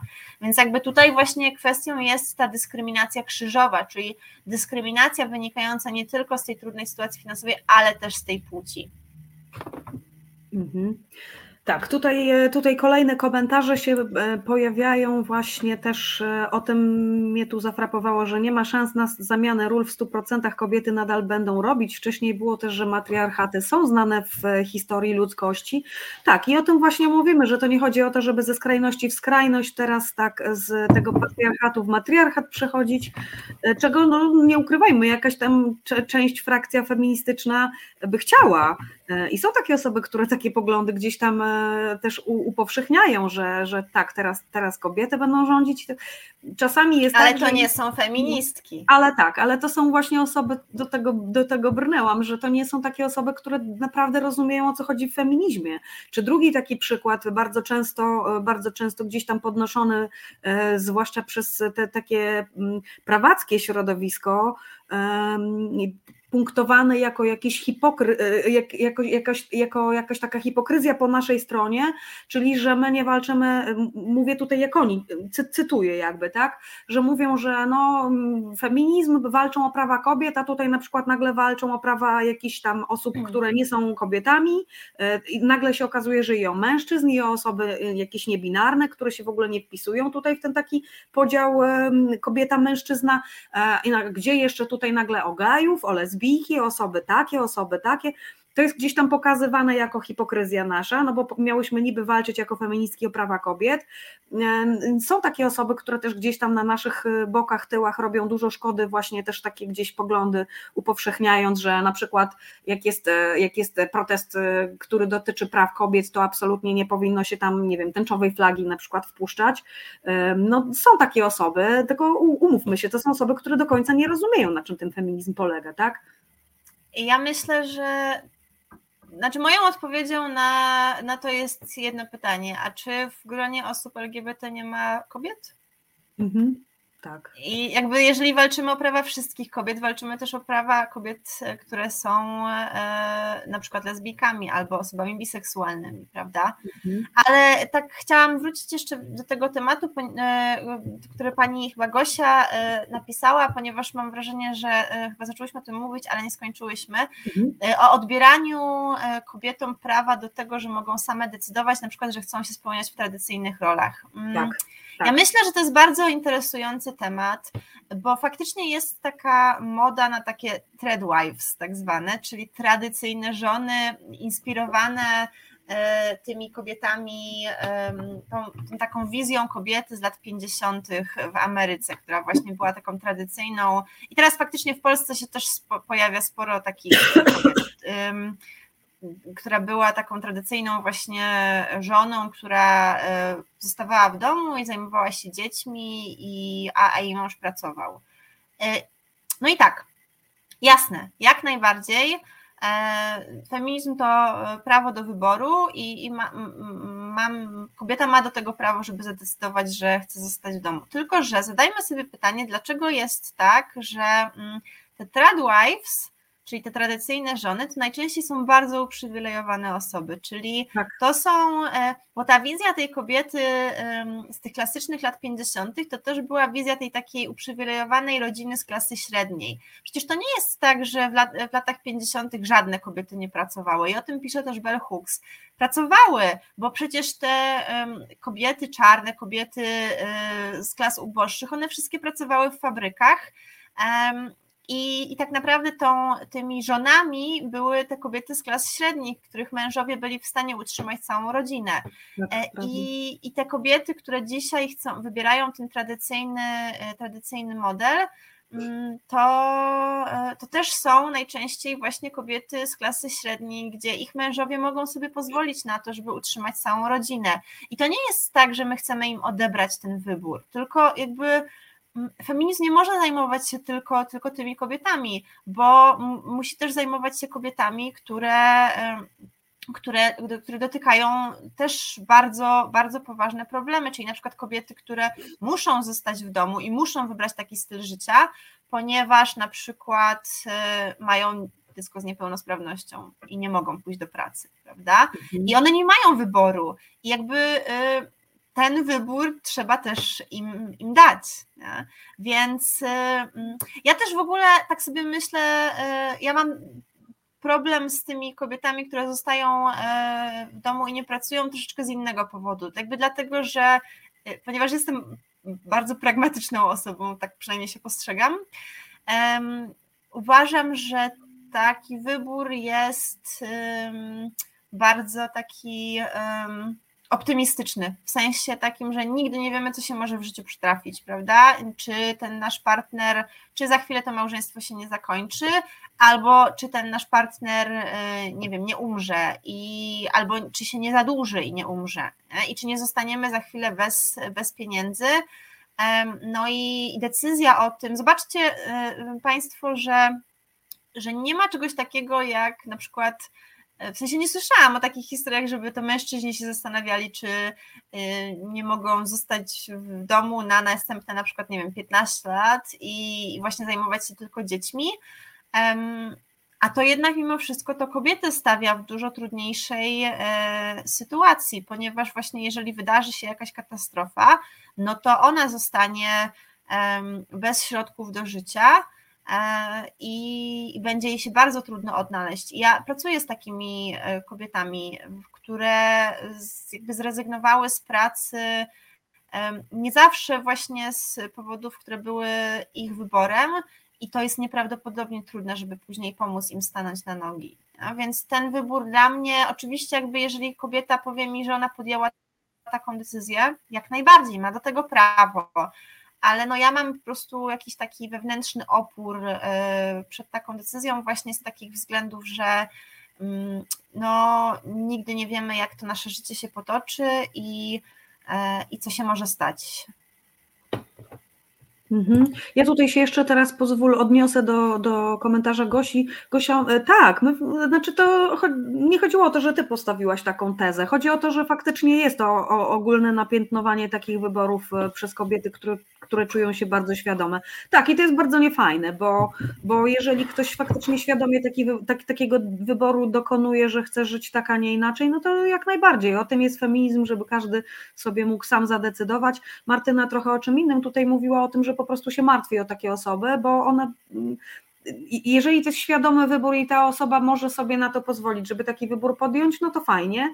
Gorzej jak to jest tak, że to nie do końca jest, jest taki świadomy wybór, no albo jak nie do końca to jest wybór, tylko trochę, trochę sytuacja i tutaj w tą stronę skręciłyśmy z, z dyskusją. Natomiast tak, jak najbardziej punktem wyjścia było to, co tam wcześniej na, napisałaś. No i tutaj e, ja jeszcze się odniosę, bo pan Lubomir napisał seksmisja wyjątkowym krzywym zwierciadłem przegięcia feministycznego.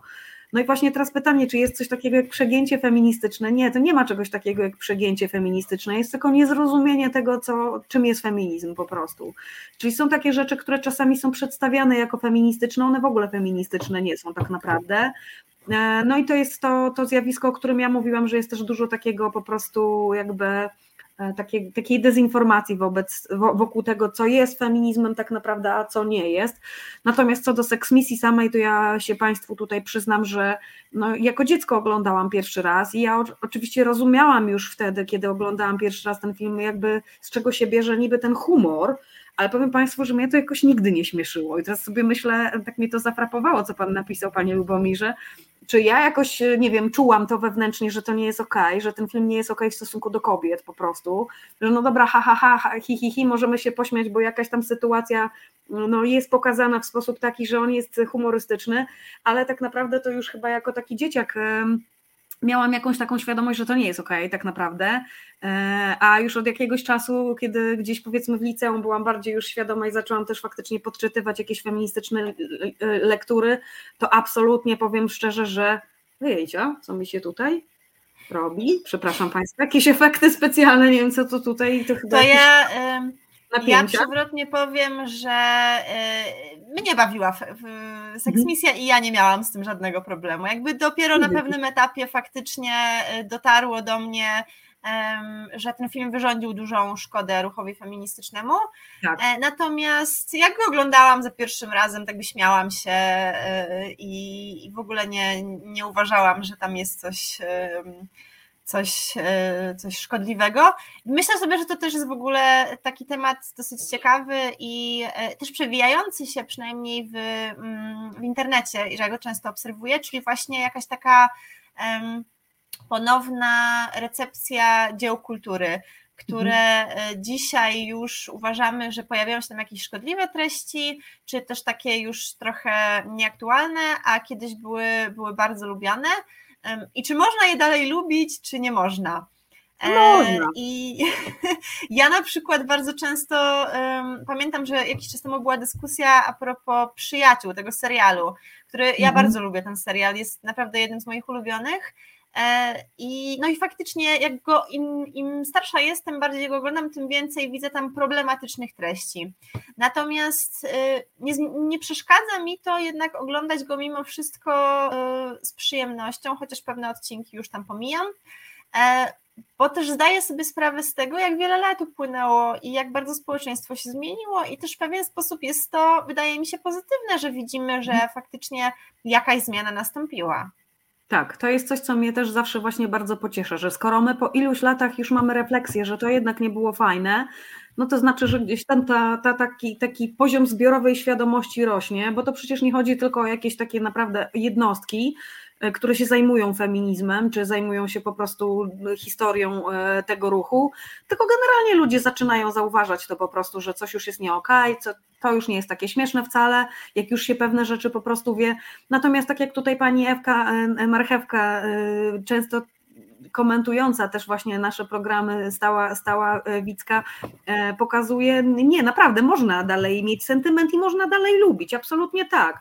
E, ja też z dużą, z dużą taką sympatią podchodzę do przyjaciół. No jest masa seriali, masa filmów, które, książek też, które no jakby mnie ukształtowały gdzieś tam i dalej mają miejsce w moim sercu, ale powiem szczerze, nawet ostatnio się zastanawiałam e, nad książkami, e, tymi klasycznymi polskimi pozycjami Małgorzaty Musierowicz, tutaj o całej Jerzycjadzie i niektóre rzeczy bardzo dalej mnie, mnie ujmują, typu nie wiem, gdzieś idę ulicą i sobie myślę, że o kurczę, pani jakaś taka idzie nieuśmiechnięta, a ja się do niej uśmiechnę wyślę jej ten eksperymentalny sygnał, dobra, może akurat w tej szarzyźnie naszej jej się zrobi miło, jak tam coś do niej miło zagadam, pomogę, uśmiechnę się przy okazji i trochę po prostu tej radości takiej od siebie przekażę. E, no ale jak sobie pomyślałam o niektórych innych rzeczach, które na przykład ja w tej chwili w kwestii swoich przekonań e, i swojej roli jakiejś tam w życiu przerabiam na terapii, to sobie myślę, no nie podsunę tego na przykład moim córkom, bo bym nie chciała, żeby za kilka lat na przykład też e, musiały jakieś swoje przekonania przewartościować, bo jednak to, co tam jest pokazane, no to jest jakiś taki patriarchalny, mocno już zatęchły model i pewnych rzeczy ja bym nie chciała im po prostu już gdzieś tam wdrukowywać, mając tą świadomość, że już nie powinnam. Więc, więc coś w tym, coś w tym jest. No, dyskusje czy tam pewne lektury powinny się pojawić, one są ważne, powiem Państwu, bo, bo jednak e, no to, czym my te dzieci e, programujemy, co im gdzieś tam do głowy wpisujemy, owszem, to pokolenie teraz ma dostęp do wszelkich źródeł informacji, ale bardzo często ma inny problem, że nie potrafi wybrać, tak, że właśnie nie potrafią dzieciaki odróżniać fake newsa od newsa. No ja 15 lat pracowałam w szkole, Państwo to wiedzą, Martyna akurat jeszcze nie, e, no pracowałam z młodzieżą, ja sobie doskonale jakby zdaję sprawę, jak to, ten progres następował, bo jak zaczynałam pracę jako nauczycielka z młodzieżą, to jeszcze dzieciaki dużo więcej czytały książek, nie były tak przebodźcowane, nie, miały, nie były tak atakowane informacjami z każdej strony, bardziej się skupiały, potrafiły wyselekcjonować pewne rzeczy. Teraz już jest z tym zdecydowanie gorzej, z tym takim odróżnianiem, która informacja jest ok, rzetelna i taka sprawdzona, a która może być fejkiem po prostu. E, no i, i to tym bardziej jakby jest ważne znowu, żeby e, jakąś nad tym kontrolę mieć, jakie te treści gdzieś tam są promowane, tak powiedzmy tym głównym nurtem, bo to, to jest to, co no, programuje nam te dzieci, co gdzieś tam, to jest ten skrypt, który im się gdzieś wdrukowuje. E, no i jakby odpłynęłyśmy trochę, ja tak zerkam jeszcze na czas. Tyle rzeczy jest jeszcze, o które ja Cię Martyna chciałam zapytać. Nie no, na, druga część będzie tego wywiadu musiała gdzieś tam nastąpić prędzej czy później. Mm, a jeszcze e, no, takie rzeczy, które bym bardzo chciała, żeby wybrzmiały. E, czy o tym feminizmie, jak już cały czas przy tym temacie jesteśmy, co to jest ten feminizm małych czynów, dlaczego on jest ważny?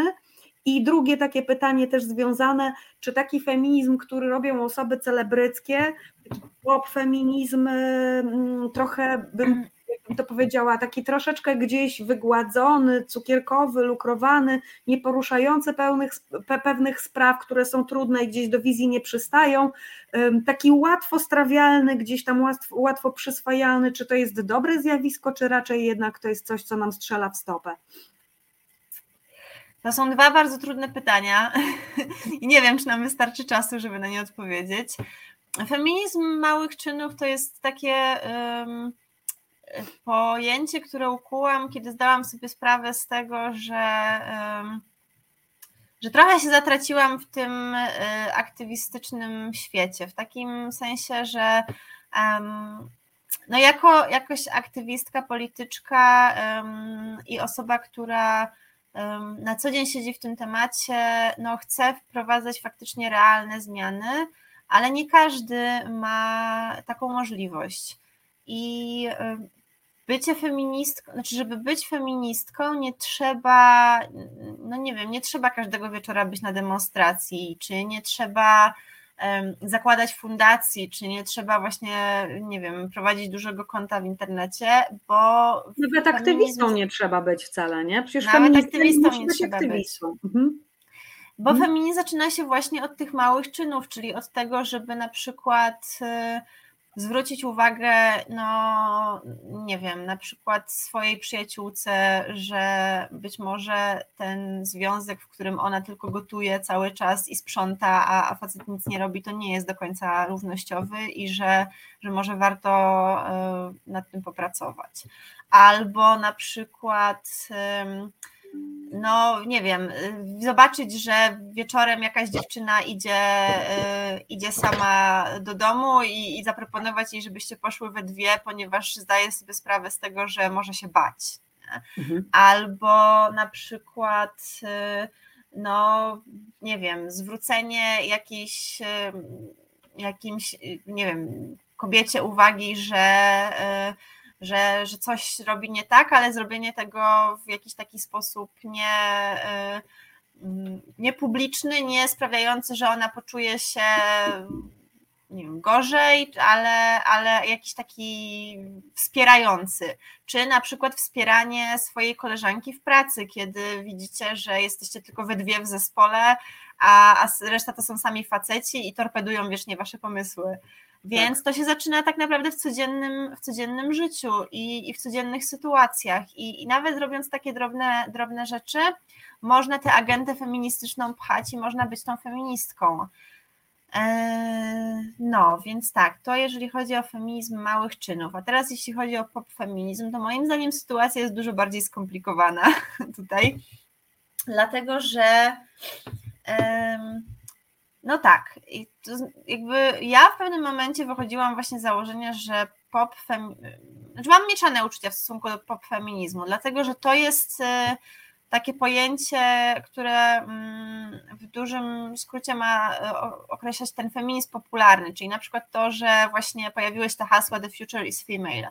albo koszulki z napisem We should all be feminists, czyli wszystkie powinniśmy, wszyscy powinniśmy być feministami i feministkami. Mhm. E, I że ten teksty o feminizmie zaczęły pojawiać się na ustach celebrytów, celebrytek, e, którzy zaczęli o tym mówić.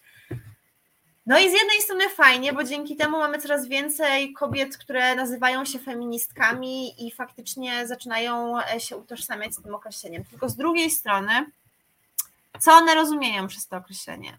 Czy one rozumieją właśnie tylko to, że siostrzeństwo i że się wspieramy nawzajem i nie wolno nam skrytykować innej kobiety, bo jest kobietą, bo z takim określeniem mhm. też się spotkałam. Tak. Czy też rozumiemy przez to to, że mm, walczymy o prawa wszystkich kobiet, także tych, które na przykład które, e, o prawa, które mogą uderzać w nasze interesy. Czyli znów tutaj, mhm. jeżeli jestem e, kobietą z e, zamożnej klasy średniej, to walczę też o prawa kobiet biednych. Nawet jeśli będzie to oznaczać na przykład, że sama zapłacę wyższe podatki bo w związku z tym na przykład będzie większe wsparcie, państwo pozyska pieniądze na to, żeby lepiej wspierać kobiety w trudnych sytuacjach finansowych.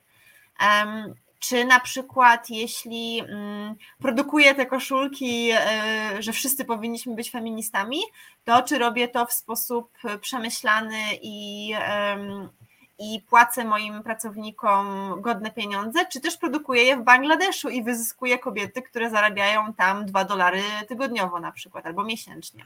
Mhm. Jakby mm, feminizm jest trudny i e, obejmuje bardzo wiele tematów i nie możemy zapominać o tym, że feminizm był ruchem rewolucyjnym, dąży jakby do rewolucji, do obalenia patriarchatu. Mm, w pojęciu wielu feministek, ale nie wszystkich, także do obalenia kapitalizmu, który jest systemem z e, definicji wyzyskującym. Tak. E, więc no właśnie, nie? czy ten feminizm, który trafia pod strzechy bardzo wielu kobiet e, i jest promowany przez celebrytki, jest tym samym feminizmem, o którym my myślimy. Tutaj należy sobie na to odpowiedzieć. I z jednej strony, no właśnie, z jednej strony ja wiem, że można przechodzić taką drogę od tego pop feminizmu do feminizmu bardziej zaangażowanego i inkluzywnego, bo ja taką drogę przeszłam. Zaczynałam od testu Bechdel i sprawdzania, czy w filmie, który, przegląd, który oglądam, są co najmniej dwie bohaterki kobiece, ponieważ uważam, że reprezentacja jest ważna. A skończyłam właśnie na tym, żeby wspierać e, matki dzieci z niepełnosprawnościami, ponieważ uważam, że są opresjonowaną grupą w Polsce.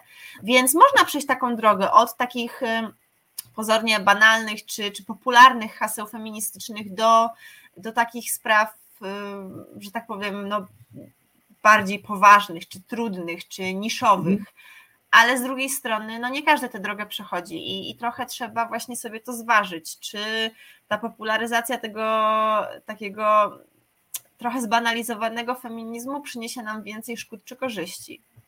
Tak, to jest, to jest e, idealna kwintesencja i jak widać dało się w skrócie te, telegraficznym naprawdę, dało się.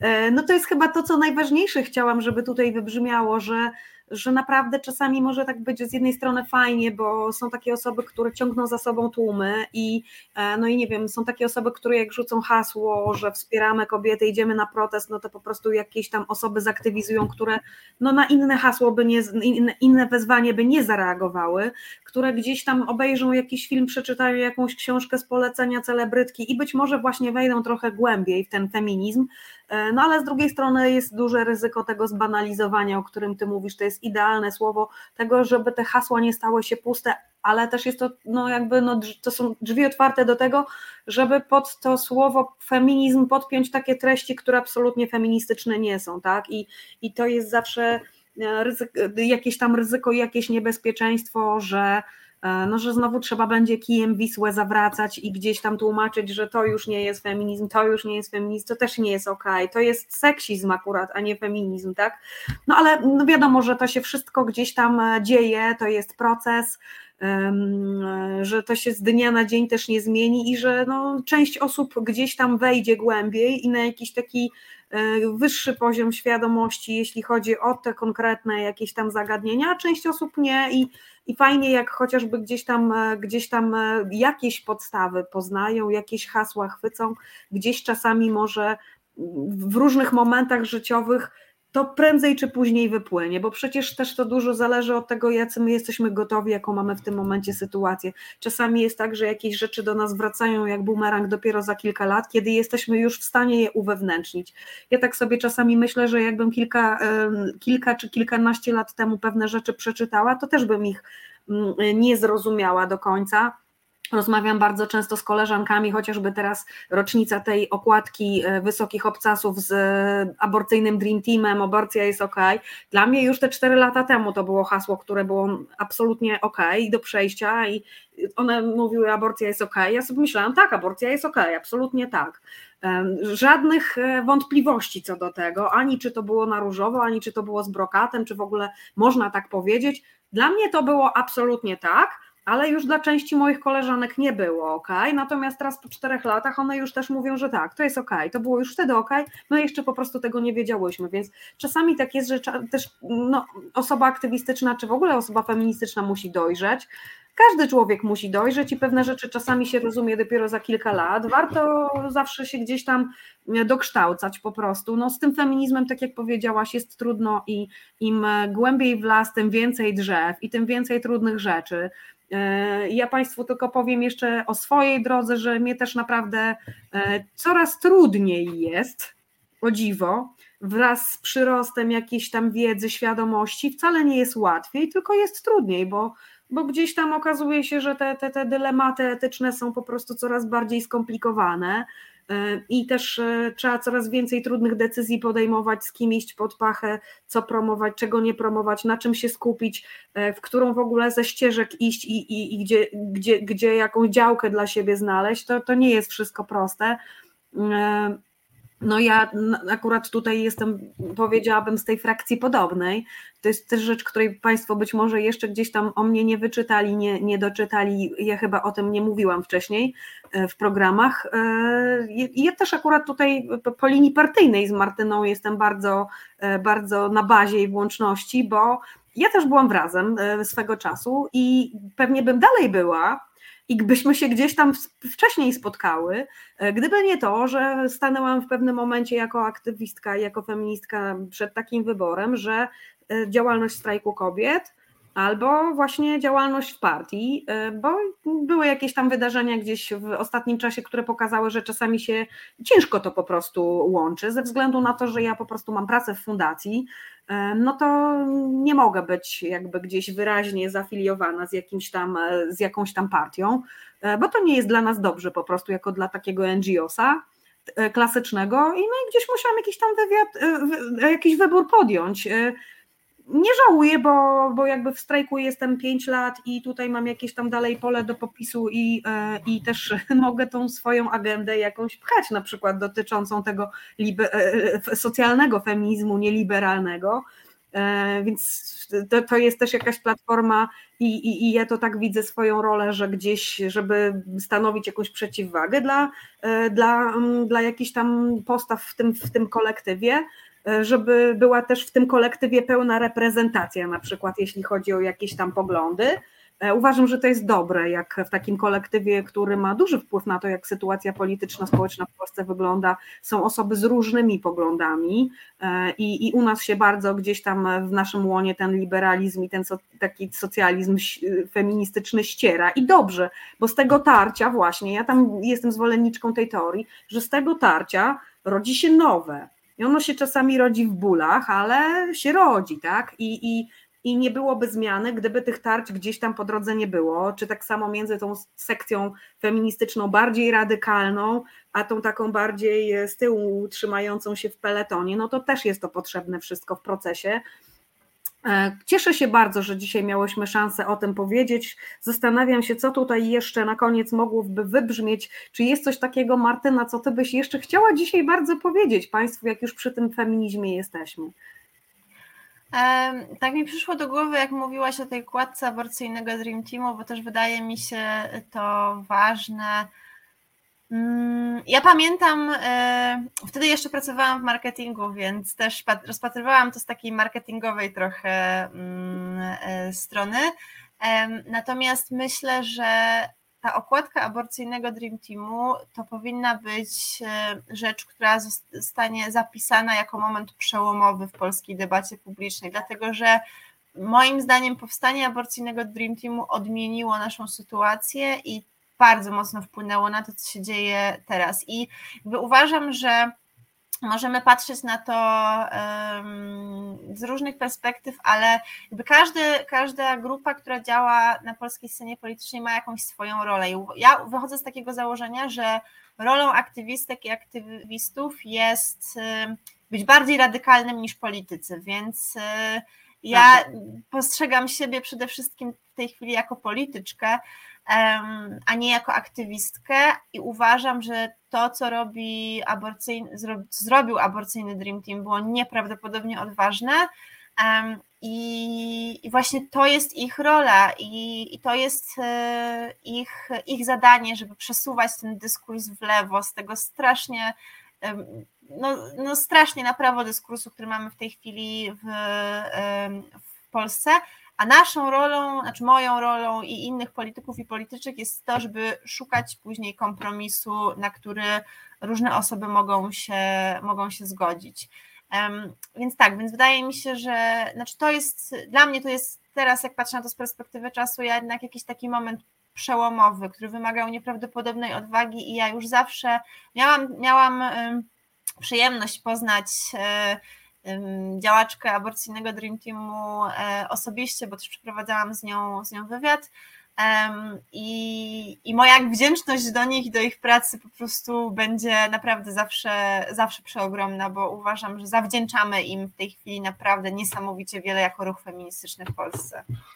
Tak, ja tutaj akurat miałam też przyjemność dwa tygodnie temu mieć, e, mieć rozmowę, dwa, dwa tygodnie, trzy tygodnie temu z Natalią Broniarczyk, która bardzo często tutaj u nas gości w resecie. E, niesamowita, niesamowita osoba. Ja też powiem szczerze, że jestem pod wielkim wrażeniem i, i mam nadzieję, że, że faktycznie kiedyś zostaną dziewczyny docenione tak powszechnie za tą robotę, którą robią, bo w tej naszej bańce to wiadomo, że no my jakby mamy świadomość tego, jak wielką rzecz one robią. Fajne jest to, co powiedziałaś na końcu i co też moja poprzedniczka, prowadząca tutaj wcześniej program, e, w czasie, kiedy ja byłam na ulicy, E, e, gdzieś tam na protestach. E, program prowadziła Marta Woźniak, dziennikarka Gazety Wyborczej Stołecznej. No i Marta po prostu zgodziła się kiedyś ze mną, kiedy ja tutaj jako gościnie byłam, że najważniejsze słowo to jest właśnie ten proces i o tym przesuwaniu tego okienka Overtona z tej prawej strony, czego naprawdę część naszych osób w Polsce no nie, nie ma kompletnie świadomości tego, że to, co my mamy w Polsce, to nie jest ten punkt zero w układzie odniesienia, tylko my jesteśmy mega na prawo przesunięci przesunięci, tak? I to, co nam się czasami wydaje centrum w Polsce, to to jest tak naprawdę prawica, a to, co nam się wydaje już takie po lewej stronie, to tak naprawdę gdzieś tam jest centrum na świecie. No, po, kto to ma zrobić, jak nie my? Kto ma tą granicę przesuwać, jak nie te aktywistki?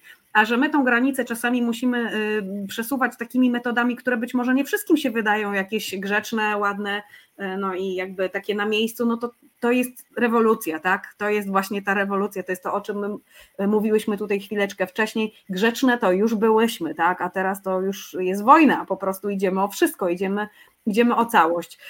E, musimy kończyć. No nie wybrzmiały tutaj takie rzeczy, o których ja tam gdzieś jeszcze chciałam porozmawiać, o tym świeckim państwie, że ono nam jest absolutnie niezbędne, potrzebne. O ciało pozytywności, o której ty też naprawdę kawał dobrej roboty, jeśli chodzi o tą ciało pozytywność wykonujesz. O ubóstwie menstruacyjnym, o siostrzeństwie tutaj jeszcze nie wybrzmiało dużo rzeczy. Także e, będzie, będzie do czego wracać. Ja na pewno bym chciała, żebyśmy się jeszcze kiedyś spotkały i porozmawiały e, o takich sprawach właśnie związanych z finansami, z prawem pracy, chociażby o luce takiej, takiej jeśli chodzi o te, o te płace, tak? No ale może i dobrze, zostały tematy na następny raz. Ja bardzo chętnie będę Cię tutaj gościć. Myślę, że Państwo też. Dziękuję bardzo za dzisiaj i Tobie, Martyna, i Państwu. E, no i kończymy. Do zobaczenia za tydzień. To jest wojna. Bardzo dziękuję.